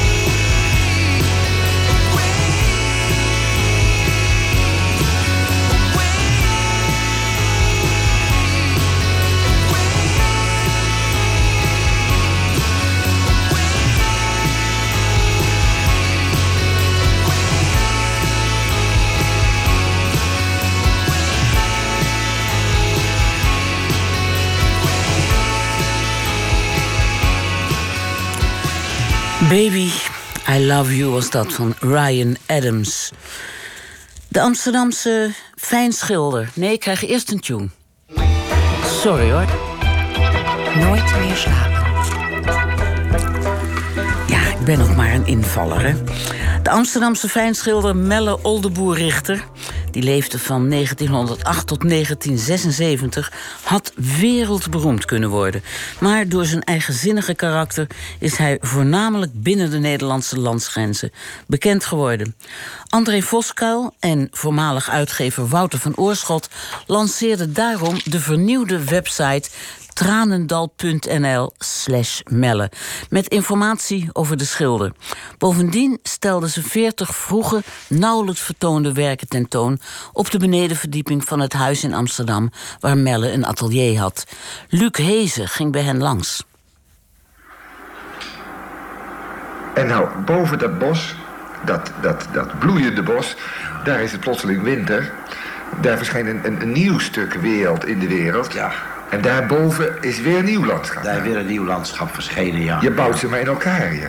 Ja, ja want in ons, eh, in ons dromen en ons denken is er niet een bepaalde plaats waar je je bevindt. Het is niet boven, het is niet onder, het is overal. Hij had er een hekel aan zijn eigen werk te verklaren. De Amsterdamse fijnschilder Melle Oldeboer Richter. Toch wist de charmante museumdirecteur en presentator Pierre Jansen hem in 1972 wat uitspraken te ontlokken bij het bekijken van dia's van zijn schilderij De Onbekende Soldaat. Want er is nogal wat te duiden in het werk van Melle. Niet voor niets is de vergelijking met Jeroen Bos snel gemaakt. Hij schilderde vaak meerdere landschappen en vergezichten in één doek, met daarin vaker terugkomende elementen: apen, baby's, uilen, ratten, penissen, vulva's, vruchten en her en der een zelfportret of flarden van de Amsterdamse wijk Witteburg erdoorheen. Het is een droomwereld die virtuoos geschilderd is en tegelijkertijd angst aanjaagt. André Voskuil, de drijvende kracht achter de tentoonstelling en de website over Melle's werk, herinnert zich nog goed welk effect het werk van Melle op hem had toen hij voor het eerst de Amsteldijk 62 binnenliep. Ik kom hier in het huis vanaf eh, ongeveer 1962 door een eh, vriend die ik van school kende. Ik herinner me destijds toen ik voor het eerst met mijn vriend kwam hier in het huis. Ik was helemaal perplex van de hoeveelheid schilderijen en wat erop stond. En vond het benauwend. En eh, vriend is op een gegeven moment eh, uit beeld verdwenen. En ik ben in het huis gebleven. In het huis hadden de schilder en zijn eerste vrouw Mart gewoond. Maar na de oorlog werd de relatie verbroken en verhuisde Melle met zijn nieuwe liefde naar een andere plek in Amsterdam. Wel hield hij zijn atelier op de zolder van het huis aan. Elke donderdag kwam hij er schilderen. Overigens in volledige harmonie met zijn eerste geliefde Mart, die met haar nieuwe partner Clovis in het huis was blijven wonen en er delen van verhuurde. Als zij op vakantie gingen, dan was ik degene die eh, op het huis paste. Of op de poes alleen paste. Dat betekent dat je eh, des donderdags, als je alleen hier was, eh, Melle ontmoette. Want Melle schilderde, maar had eh, ook behoefte aan gezelschap. En eh, werd, riep je dan van beneden, wordt nog koffie gezet? Nou, dat was duidelijk, je koffie moest gaan zetten. Hij schilderde met Radio 3. Of, of heel zijn drie, met rockmuziek vond ik dat. En dat vond ik echt zo belachelijk eigenlijk. En eh, soms was hij bereid om te vertellen tegelijkertijd. Dat, want hij kon echt dingen tegelijkertijd doen. Dus het is niet iemand van God die zegt: eh, hou je mond dicht, ik moet wat ik ben schilderen. Nee, het was een aardige man. Luisterde heel goed, vond ik, maar liever verteller. Liever zijn eigen verhalen verteller. Lang sliertig haar, in een scheiding, altijd met vlinderdas. Je hoort Wouter van Oorschot, voormalig uitgever en partner van André. André heeft het archief dat de eerste vrouw van Melle bijhield na haar dood gedigitaliseerd en uitgebreid. Hij zocht contact met Wouter omdat hij een werk van Melle had dat hij wilde lenen voor een tentoonstelling en wilde fotograferen voor de website. Het was duidelijk in ieder geval dat, we allebei uh, inderdaad een fascinatie hebben voor, voor dat werk. Ik durf wel te zeggen dat we hem een van de grootste Nederlandse schilders ooit vinden eigenlijk. En dan is het heel erg jammer dat hij relatief zo onbekend is, vooral ook in het buitenland. Ik ben op een gegeven moment gaan zeggen, van, ja, als ik iets kan doen voor die website, dan zeg je het maar. En dat, uh, dat is een dank aanvaard. Melle Johannes Oldeboer Richter wordt in 1908 geboren op Wittenburg een van de oostelijke eilanden van Amsterdam. Hij wordt opgeleid tot letterzetter, maar verlaat dat beroep vlak na de oorlog om zich als kunstschilder te vestigen. Hoewel zijn werk veel weggeeft van het surrealisme, had Melle er zelf een andere term voor. Visionair, dat zegt hij zelf ook ergens. En dat geloof ik ook echt de beste omschrijving is. En zeker als je nu wat wij tonen in eh, het vroege werk ziet, daar is het eh, eh, kommer en kwel en donker. En eh, de dreiging van de, oorlog is dan heel hard aanwezig. En gaandeweg wordt dat vrolijker. De qua kleuren zie je al vrolijker wordt. En dan komen dan de seksuele annotaties voor. Inderdaad, de geslachtsdelen vliegen je om de oren. Een slappe piemel die gelaten tussen de heuvels ligt. Een man met een eikel op zijn kop. Een koolmees met een immense erectie. Vulva's in glas- en loodramen of gewoon los zwevend door de lucht. Ga zo maar door. In de strikte jaren 50 stelde niet iedereen dat op prijs. Willem Sandberg keurde bijvoorbeeld in 1955 twee doeken af voor een tentoonstelling in het Stedelijk Museum vanwege aanstootgevend naakt. En Freudiaans georiënteerde psycholoog C. Boas van den Ende waagde zich op afstand en in een openbaar tijdschrift aan de diagnose dat Melle wel seksueel gefrustreerd moest zijn. Dat kwam volgens hem omdat hij als kind met het hele gezin in een kleine bedstee had geslapen en dus meer zou hebben gezien dan voor kleine kinderogen bedoeld was. Melle zelf zei er niets over. Blijft te staan de eigen interpretatie. Volgens mij is het niet erotisch, puur als, ja, als object. Of om te kijken wat, de wereld doet. Het is alleen maar voorplantingsdrift. Het idee van vroeger we gaan strijden voor het vaderland of het arbeid is beter om een plan van de arbeid te hebben. Dat is helemaal verdwenen eigenlijk. Marty heeft eh, later gezegd: het is waarschijnlijk de tragische aanwezigheid van de mens op aarde. Dat we eigenlijk net zo doen als de vogeltjes die elkaar roepen, een nest bouwen, paren en voor de rest van de tijd hun jongen tevreden geven. Eigenlijk is het bij Melle altijd zo dat wat met, met volwassen mensen te maken heeft, dat is eigenlijk altijd treurig, eh, m- monsterachtig, lelijk. En alles wat met de natuur te maken heeft en kinderen is altijd heel erg mooi en lieflijk geschilderd. Dit is de bovenkant. Ja. Met in het midden dat kind, hè?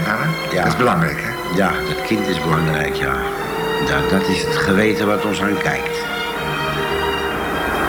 Mm, Ja, die is de sigaar. Die wordt geboren en die moet dat ook proberen.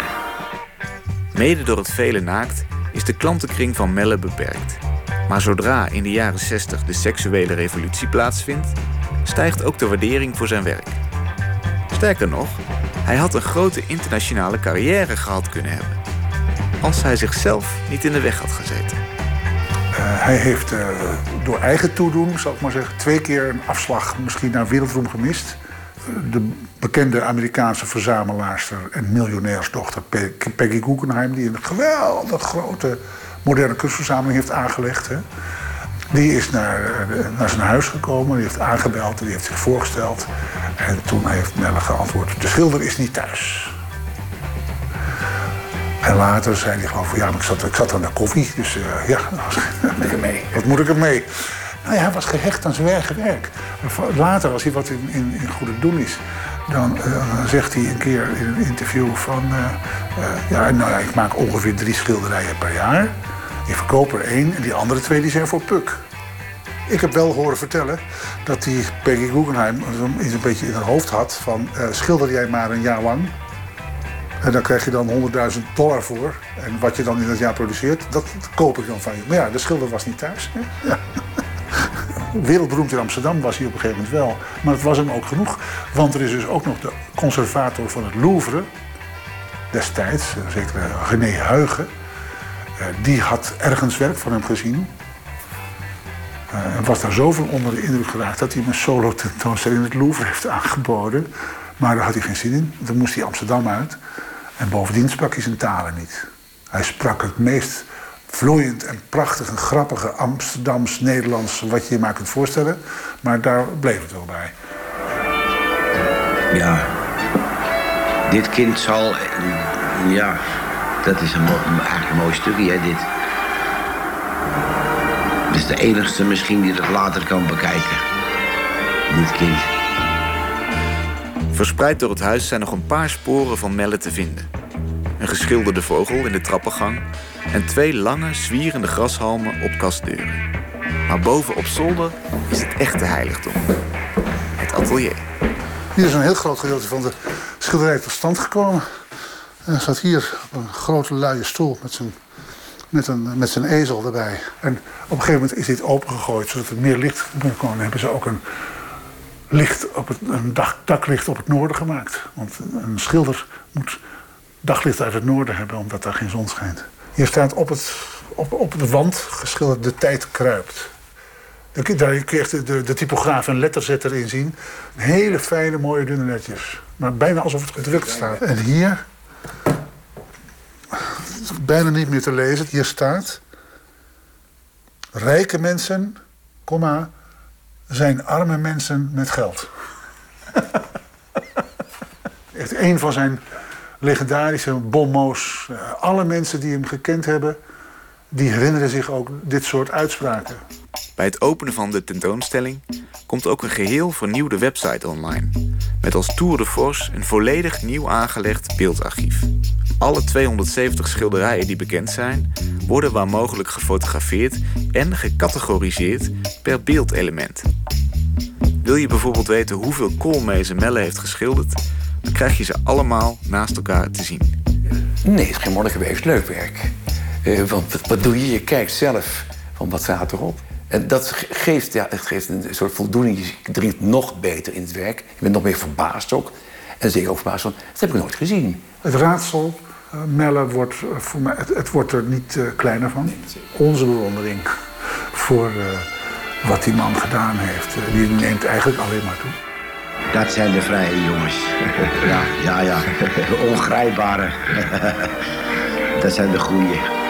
Dat zijn de broers.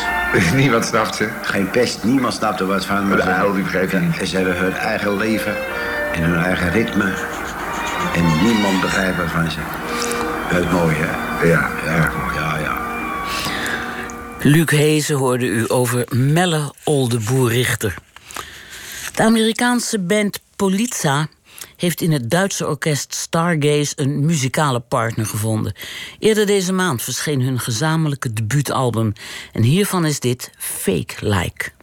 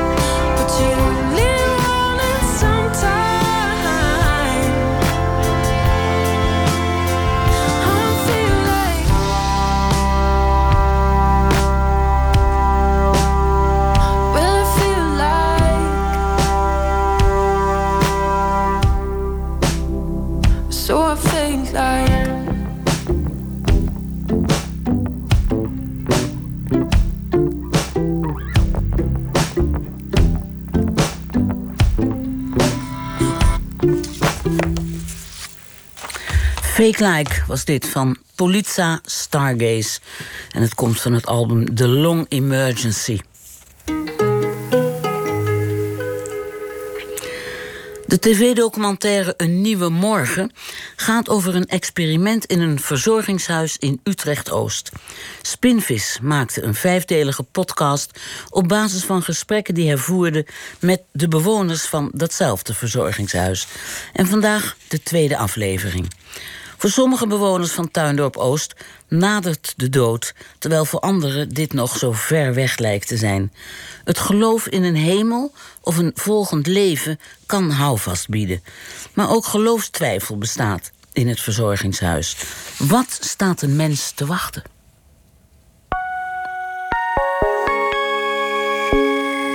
Een nieuwe morgen.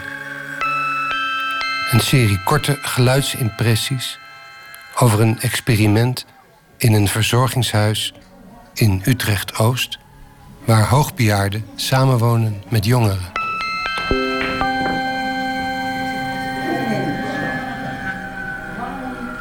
De hemel. Ja, ja, ja, ja, ja, ja, dat is hem. Ik ben gelovig opgevoed en altijd gelovig geweest. En nog geloof ik. Ik ben niet bang van de dood. Nee, nee, nee, nee hoor. Nee, ik, eh, ik ga soms liever. Vandaag dood is morgen, zeggen ze wel eens. Want op, uiteindelijk, eh, ja, wa- waar- waarom zou je lang moeten blijven leven? Ja, maar ja, als je, als je niet kan geloven, dat kan ik me ook voorstellen. Maar het is natuurlijk wel zo. Sommige mensen kunnen misschien geloof moeilijk vinden. Ik vind het niet moeilijk. Hij stak echt niet bij stil hoor. Nee, hij stak totaal niet bij stil. Nee, zou ik niet willen. Ja, wat, wat, wat heb je eraan? Ik bedoel, dat je pijn moet lijden ook of zo. Dat is met mijn vrouw ook zo. Nee, nee, nee, zo gelovig ben ik nou niet om dat te denken. En ik heb mijn eigen dat wel ingeprent. Oh meisje, je bent in de hemel. Ik weet het dat niet. geloofde ik altijd. Maar dat is heel merkwaardig. Soms is dat een geloofstwijfel. Hoe kan dat nou? Want al die mensen, dat kan toch niet? Je moet maar afwachten wat ons te wachten staat.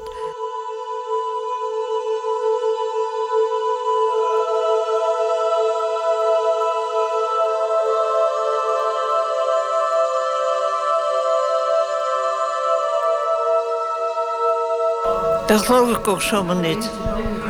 Dat hierna een volgend leven is. Ik vind dat kan je nooit zeggen, dat weet niemand, want er is nog nooit iemand teruggekomen. Ja, ik zou het wel willen weten. Ik, ik zou best mijn man weer willen zien, eventjes. Alleen al, al zag ik hem maar eventjes. Hè? Dat hij, dat goed zit. Ik ben gelovig opgevoed. Maar ik doe er zelf helemaal niks mee.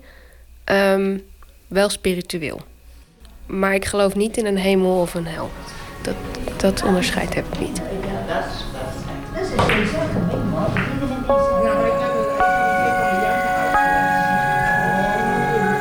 Ehm, ik. Oeh. Ja, agnost ben ik, denk ik, hè? Ik hoop dat als er nog iets is, dat het een nieuw leven is om verder te leren. Ik ben er niet bang voor. Ben je gelovig? Ja, klein beetje. een klein beetje. Vroeger wel, maar eh, tegenwoordig niet meer.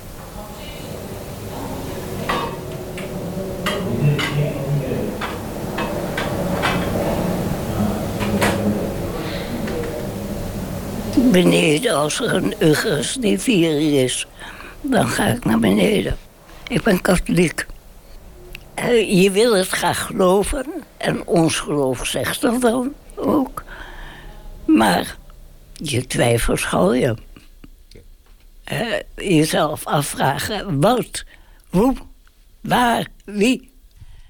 Eh, ik ben en bang voor dood, maar ik, ik wil nog niet dood, want ik heb nog zoveel te doen.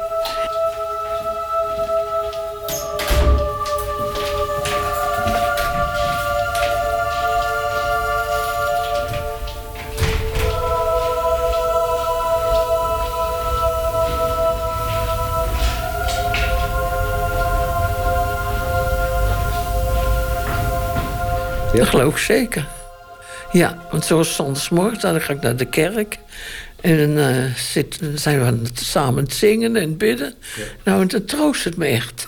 Ja. Dan denk ik, oh, het is toch fijn zo met elkaar zo te zitten. En alles zo te, te horen. Ja, daar ben ik heel blij mee. Ik vind mezelf nooit zo'n best mens. Dus ja, dan denk ik, waar zal ik terechtkomen? Ik zou mijn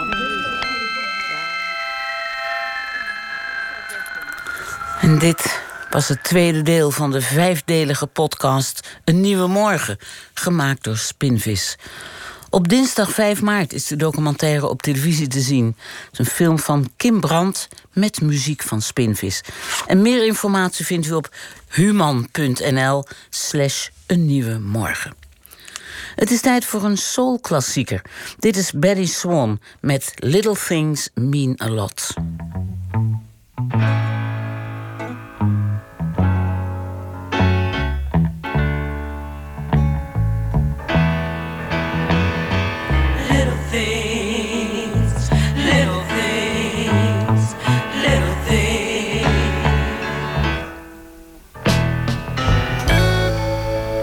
Throw me a kiss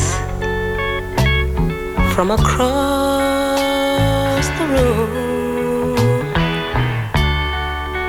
Tell me I look nice even when I'm not.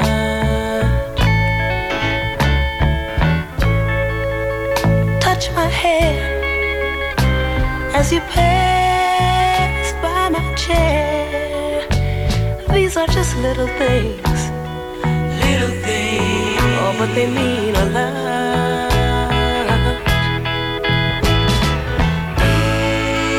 Give me your arm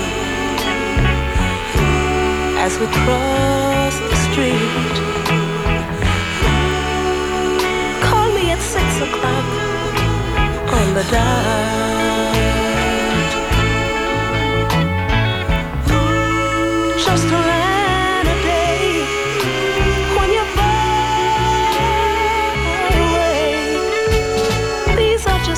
Little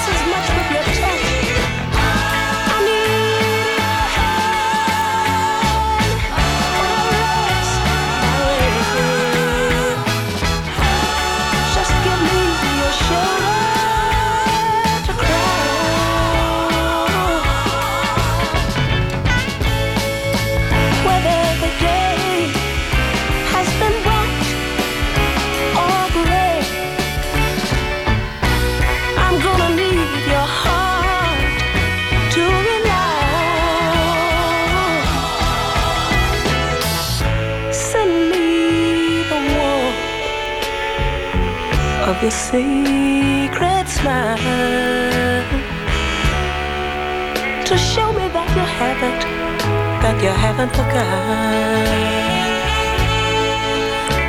That always and ever. Little Things Mean a Lot, zong Betty Swan. I'm not a smart man. Everybody be cool, this is a robbery! When I'm good, I'm very good. But when I'm bad, I'm better. No, I'm just getting warmed up. Silly rabbit.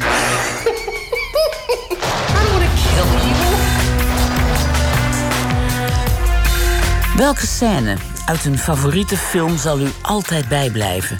We vroegen het aan bekende filmmakers en vandaag de favoriete scène van Nicole van Kilsdonk. Afgelopen weekend nog was haar nieuwste film Lost and Found op de televisie te zien. Maar u kent haar misschien ook van jeugdfilms Een Patatje Oorlog en Hoe overleef ik mezelf? Of van de film Van Toe, naar het gelijknamige boek van Bert Wagendorp. De film uh, waar ik een scène uitgekozen heb is de Mexicaanse film Y mama tambien. Het is een film uit uh, 2001 uh, van uh, een regisseur die nu al heel erg groot is geworden, maar toen volgens mij nog redelijk beginnend was, Cuaron.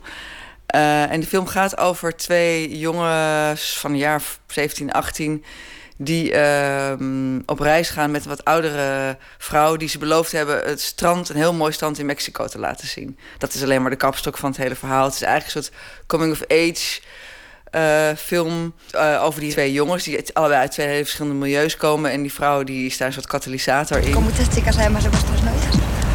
¿Con alguna? Este güey, cabrón. ¿Qué? Maar het is, een, uh, het is een film die op heel veel lagen zich afspeelt. Het is een roadmovie. Uh, het gaat dus over die verhouding tussen die mensen. Maar het gaat ook eigenlijk over, de, over de, hoe, de staat van Mexico. En het is een wonderbaarlijk... Ik vind het echt een prachtige film. Hartverwarmend. Ik krijg er ook echt letterlijk heel warm van. Ik herinner me dat de bioscoop helemaal kolkend van de hitte zat te kijken naar die film.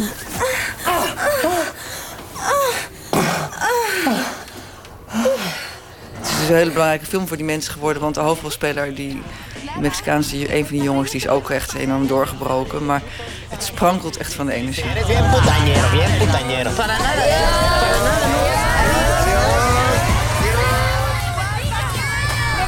is best wel lang geleden dat ik die making-of heb gezien.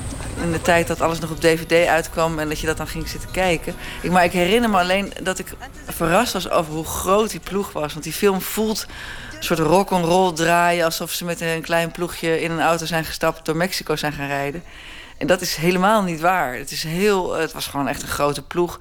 En bijvoorbeeld, je ziet ook uh, tijdens hun reis eventjes... een soort militaire junta die mensen aanhoudt. En er wordt helemaal geen aandacht aan besteed. Maar je hebt het wel gezien als kijker. En dan ga, ga je weer door ook dat is weer iets waarvan ik denk... god, dat heel vaak belandt dat in de prullenbak... omdat het het verhaal niet lijkt te ondersteunen. Maar dat is allemaal geanceneerd. Terwijl het voelt... Dat is natuurlijk heel vaak met films zo... dat het niet geanceneerd moet voelen. Maar heel vaak voel je dat toch heel erg. En ik vind het heel knap dat dit gewoon een grote klassieke ploeg was. Uh, wel uh, on the road. Maar dat je dat dus helemaal niet voelt. Terwijl heel vaak voel je in film dan de ballast van, van, uh, van zo'n grote ploeg. Of als het dan heel een beetje guerrilla moet voelen... dan is het ook heel slordig. En hier, dat vind ik echt heel goed. En ja, het, het, het, blijkt ook dus dat die regisseur... die heeft volgens mij daarna ook een Harry Potter film gedaan of zo. Dus die is heel erg blijkbaar in staat om ook met die grote middelen te handelen. Maar die film voelt vederlicht. In de positieve zin van het woord. Fija, no era un maestro de la Ah, pues por el maestro de la finura. Borjano. Borjano, Oye, me encanta haberos conocido. Het is niet per se een sleutelscène in de film, maar ik heb hem gekozen omdat ik hem heel erg mooi vind in zijn mise-en-scène. Het is een scène waarin de, deze jongens net op reis zijn gegaan met die vrouw, die ze dus eigenlijk helemaal niet goed kennen. En dan komen ze in een dorpje aan in Mexico. Uh, want het blijkt namelijk dat ze eigenlijk helemaal niet precies weten waar dat strand is. Ze hebben zich er gewoon doorheen gebluft. Sí, pero no por eso. ¿A qué van las tías de Italia? Por ropa de vacaciones. Los tíos, los italianos están buenísimos. Ja, ze komen aan bij een barretje in een uh, Mexicaans uh, stadje. En het is eigenlijk een scène waarin ze dat barretje binnenlopen... al pratende over hun verleden, hun seksuele voorkeuren... van alles en nog wat. Het lijkt van de hak op de tak op te gaan. Uh, en ondertussen komen ze in dat barretje en willen ze gewoon iets, e uh, iets eten. Las novias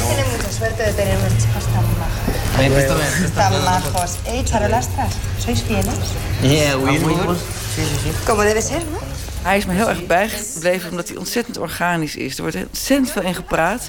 Ze lopen uit de auto die bar binnen die er fantastisch mooi uitziet. Het is avond. Uh, ze gaan zitten. Ondertussen doet die jong, een van die jongens een jukebox aan. Dan komt er nog een oud mannetje binnen die gaat eh, bedelen om geld.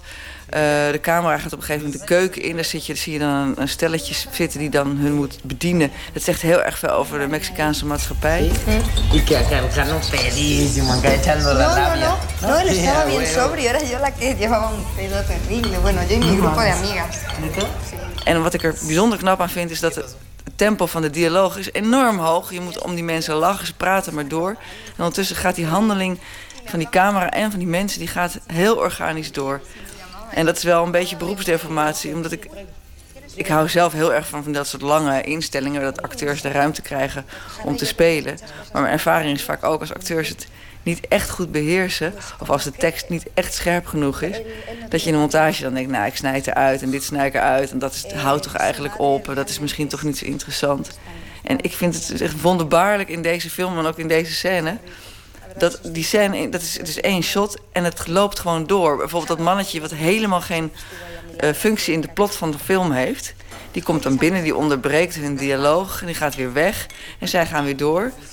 En ik weet heel vaak dat dit soort dingen dan in de prullenbak branden. En ik vind het dus ontzettend knap dat die tempo en de dynamiek van die mensen weet te behouden. En dat het heel terloops lijkt, alsof het allemaal documentair bijna is. Terwijl ik weet ook van de making-of die ik ooit gezien heb... dat het helemaal niet documentair is. Is echt heel erg goed gerepeteerd. Maar die acteurs zijn zo ontzettend goed. En de, en de, en de mise-en-scène van die regisseur is zo goed. Daar heb ik echt enorme bewondering voor eigenlijk. En, en ook dus dat het een gelaagdheid heeft van de humor van die jongens... die gewoon echt nog heel jong en, en, en, jonge honden zijn. En ondertussen zie je ook nog even en passant...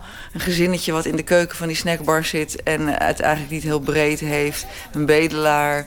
En toch wordt het nergens eh, te pretentieus of loodzwaar. Dus ja, ik vind dat echt eh, wonderbaarlijk. Ik denk dat ik ook wel beïnvloed ben door die manier van draaien. Dat is niet alleen bij deze regisseur of bij deze film. Maar er zijn wel meer regisseurs die dat natuurlijk doet. Eigenlijk iemand als Woody Allen, de oude films, die waren ook allemaal vaak hele lange instellingen, heel veel mise-en-scène. Eh, er zijn heel veel een aantal Franse regisseurs die, die dat doen. Ik hou gewoon heel erg van dat soort films. En voor mij is dialoog ook absoluut een eh, heel belangrijk onderdeel van film. Er zijn heel veel regisseurs die vinden dialoog eigenlijk ballast. Maar ik denk als dialoog goed geschreven is en je hebt goede acteurs, kan het ook ontzettend bijzonder zijn. En bij deze film heeft mij daar wel echt eh, beïnvloed. Of ik heb daar best naar gekeken met. eh, ik ben wel eens met roadmovies bezig geweest. Dat je wel degelijk kijkt van hoe, hoe hebben ze dat hier gedaan. Dat die vaart in blijft. Omdat er zoveel plot zit er in die film ook niet. En toch eh, gaat die film maar door. Er zitten net genoeg elementen in dat je nieuwsgierig blijft. Dat je denkt, hè, maar die liegt over iets. Dus dat, vind ik, dat heeft mij ook wel beïnvloed. Maar helemaal eh, die organische mise-en-scène... ik vind dat eh, iets wat altijd weer beter kan... en wat ik heel erg leuk vind eh, om te doen. Omdat je dan een ja, soort pretendeert de, de hand van de maker niet te voelen... terwijl die wel degelijk is natuurlijk. Dus ik ben dus een nieuwe serie voor de BNN-Vara aan het maken. En nou, ik, wil niet zeggen dat daar de invloed heel groot is. Ik hou altijd van lange instellingen, zolang het lukt om acteurs de, ruimte te geven en te laten bewegen. Sowieso, dan eh, probeer ik dat. Maar dit is een serie die speelt zich af op de Zuidas. En er zitten ook heel veel kantoorscènes in. Ja, dan ontkom je er soms niet aan dat mensen gewoon op een stoel zitten en praten. eh, of achter een computer. Ehm, maar de het organische, eh, dat is eigenlijk wel iets wat ik altijd naar op zoek ben. Dat, je, dat het. ehm, ja, die, die, die, en ook juist die kleine elementen. In plaats van als mensen dan op een stoel zitten, in plaats van dat ze alleen maar op een stoel zitten, dat ze dan ondertussen een broodje aan het leegplukken zijn, eh, omdat ze niet van ei houden, ik zeg maar even wat. Gewoon dat je altijd op zoek bent naar, naar meerdere dingen die er tegelijkertijd gebeuren. Niet alleen maar tekst. Maar verder eh, is, is de kunst van die Itu Mama Tambien ook dat, dat er schijnbaar geen plot in zit. Maar ook dat is schijn. Er zit wel degelijk plot in. En je bent ook wel degelijk verrast aan het einde. En ook echt ontroerd vind ik wat er met die jongens gebeurt en wat er met die vrouw gebeurt. Ehm, dus eh, ja, ik vind het gewoon een hele gelaagde film. En, en dus toch ook heel lichtvoetig. En dat vind ik, eh, dat is iets waar, wat mij enorm aanspreekt.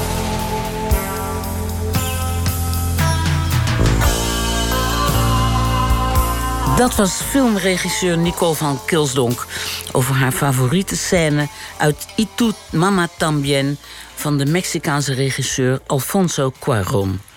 De tv-serie Zuidas is binnenkort te zien op NPO 3. John Bramwell kennen wij als de frontman van de Engelse band I Am Clued. Maar dat hij ook solo mooie liedjes kan schrijven, bewijst hij onder andere met dit nummer Leave Alone the Empty Space.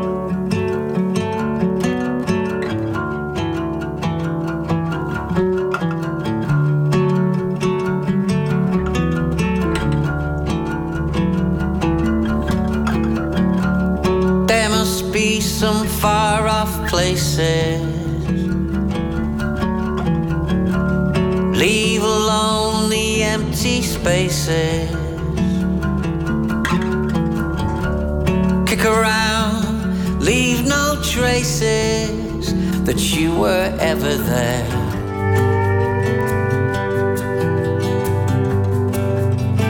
You were ever there.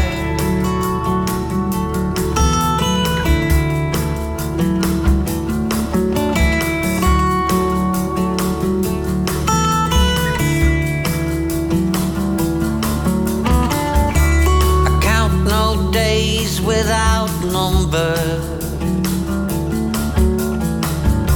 I grace no easy states of slumber.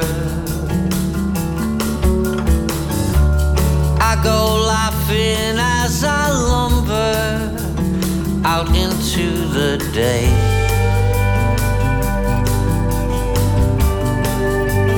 Out into the day.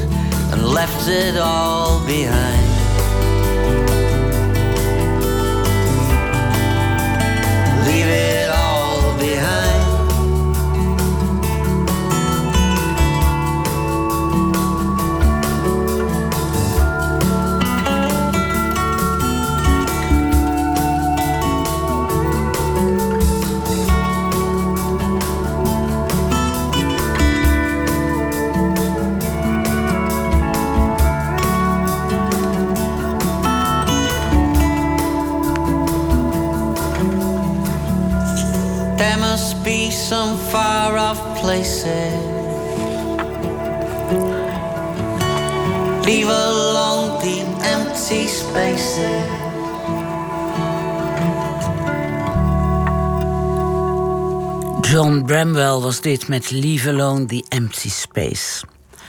Het graf van Jim Morrison. Het zebrapad waar de Beatles overliepen. De rivier waarin Jeff Buckley verdronken zou zijn. Het zijn moderne bedevaartsoorden geworden. Wat zoeken we op dat soort plekken? En wat vinden we er? Een serie van Emmy Colau. Vandaag met romanschrijfster Mensje van Keulen. Drie keer bezocht ze het huis waar de gezusters Bronte leefden... om te zien in wat voor omgeving de beroemde schrijvende zusters... Emily, Charlotte en Anne opgroeiden. Je komt boven op de heuvel in Howard. Er is een, eh, een kruising waaraan drie pubs liggen. Dan ga je naar links. En dan achter de pub, de Blackpool... daar is een kerkhof en een kerkje. En daaraan grenst die pastorie. En die staat er echt als een, een vrijstaand huis. Er staat nu, zit nu wel een winkeltje, maar je ziet nog steeds dat het een pastorie is. Dat doorbligt in, vind ik, een van de mooiste landschappen die er bestaan in Europa.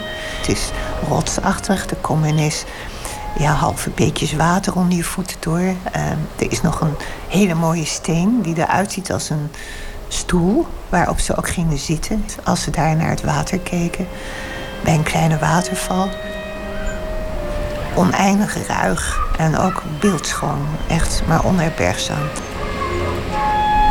En als je dan uh, ja, die pastorie binnenkomt, dan zie je rechts bijvoorbeeld de tafel waaraan Patrick Bronte, dus de vader van uh, de vier Bronte-kinderen, uh, ook werkte.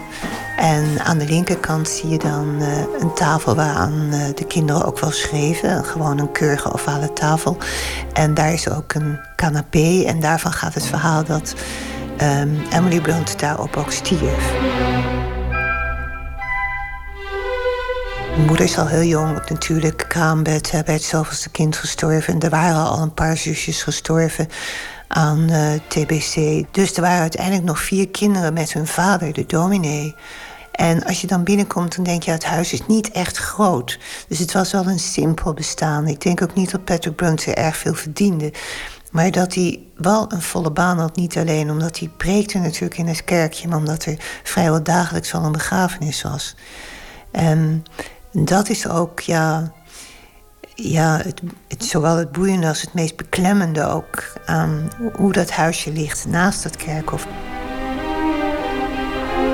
Dat was wat, wat me ook uh, wat me in mijn hart echt kneep toen ik uit het raam keek en zag hoe Emily op die zerken keek. Die zerken die zijn er nog en als je daar loopt, dan zie je ook de jaartallen en dan zie je al die namen en dan zie je ook hoe ongelooflijk veel kinderen er begraven zijn, die allemaal achter elkaar natuurlijk ja, wegteerden aan die ziektes waar geen middel tegen opgewassen leek.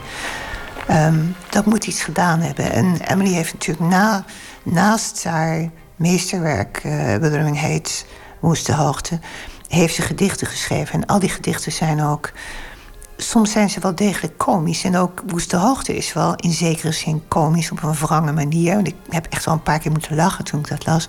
Maar haar gedichten zijn heel zwartgallig en hebben allemaal met die dood te maken. En je merkt ook haar afvalligheid. Dat ze, ik denk door al die begrafenissen en die dood... juist niet meer in God geloven kon.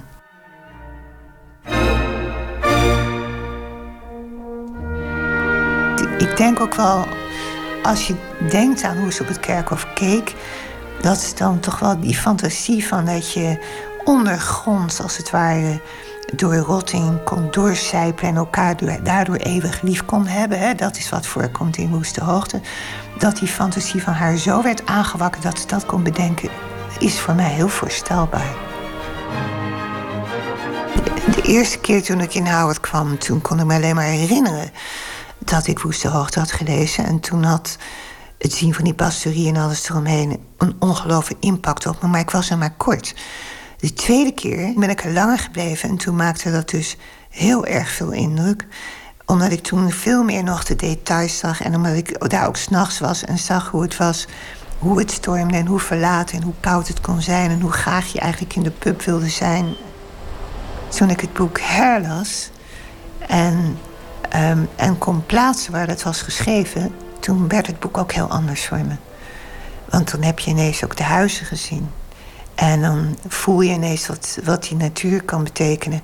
En dan besef je ook wat het, dat het in feite onzin is om de hele wereld over te reizen om een mooi boek te kunnen schrijven. Want deze vrouwen, deze drie zusters, die woonden daar helemaal afgesloten. Twee van ze, Charlotte en Emily, zijn alleen maar een keer naar Brussel geweest om hun Frans bij te spijkeren. Emily was daar, had alleen maar heimwee. Ze kwamen dus eigenlijk nooit weg en toch hadden ze een ongebreidelde fantasie. En konden werkelijk van alles bedenken en wisten dus zulke boeken te schrijven in die afzondering. Dus er is iets meer met ze aan de hand. Ze waren echt bijzonder. Als je dan zo'n huis binnengaat en je, je hebt die boeken eh, weer gelezen, dan kom je daar met een ander oog binnen.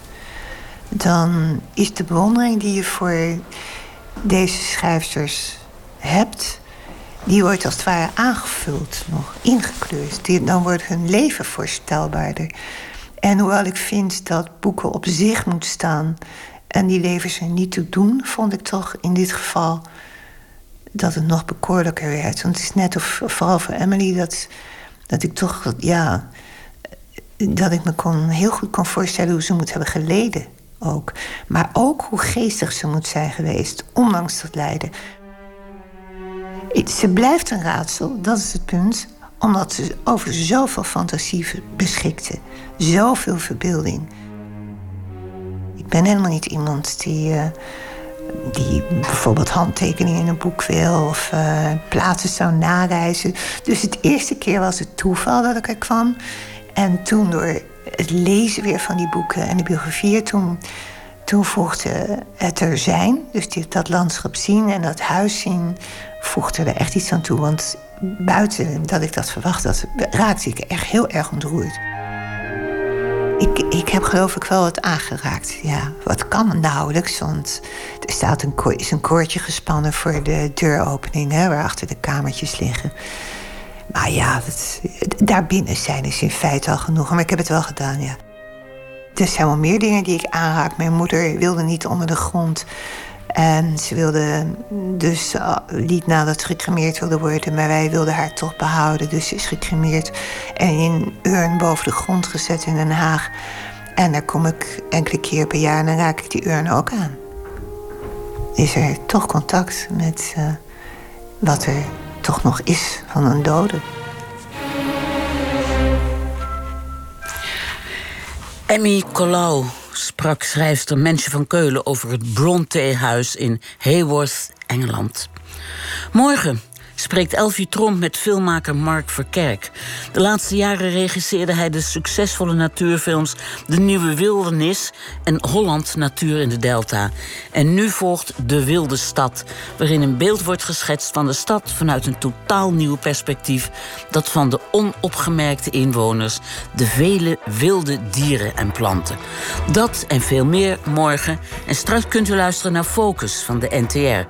En ik wens u een hele goede nacht.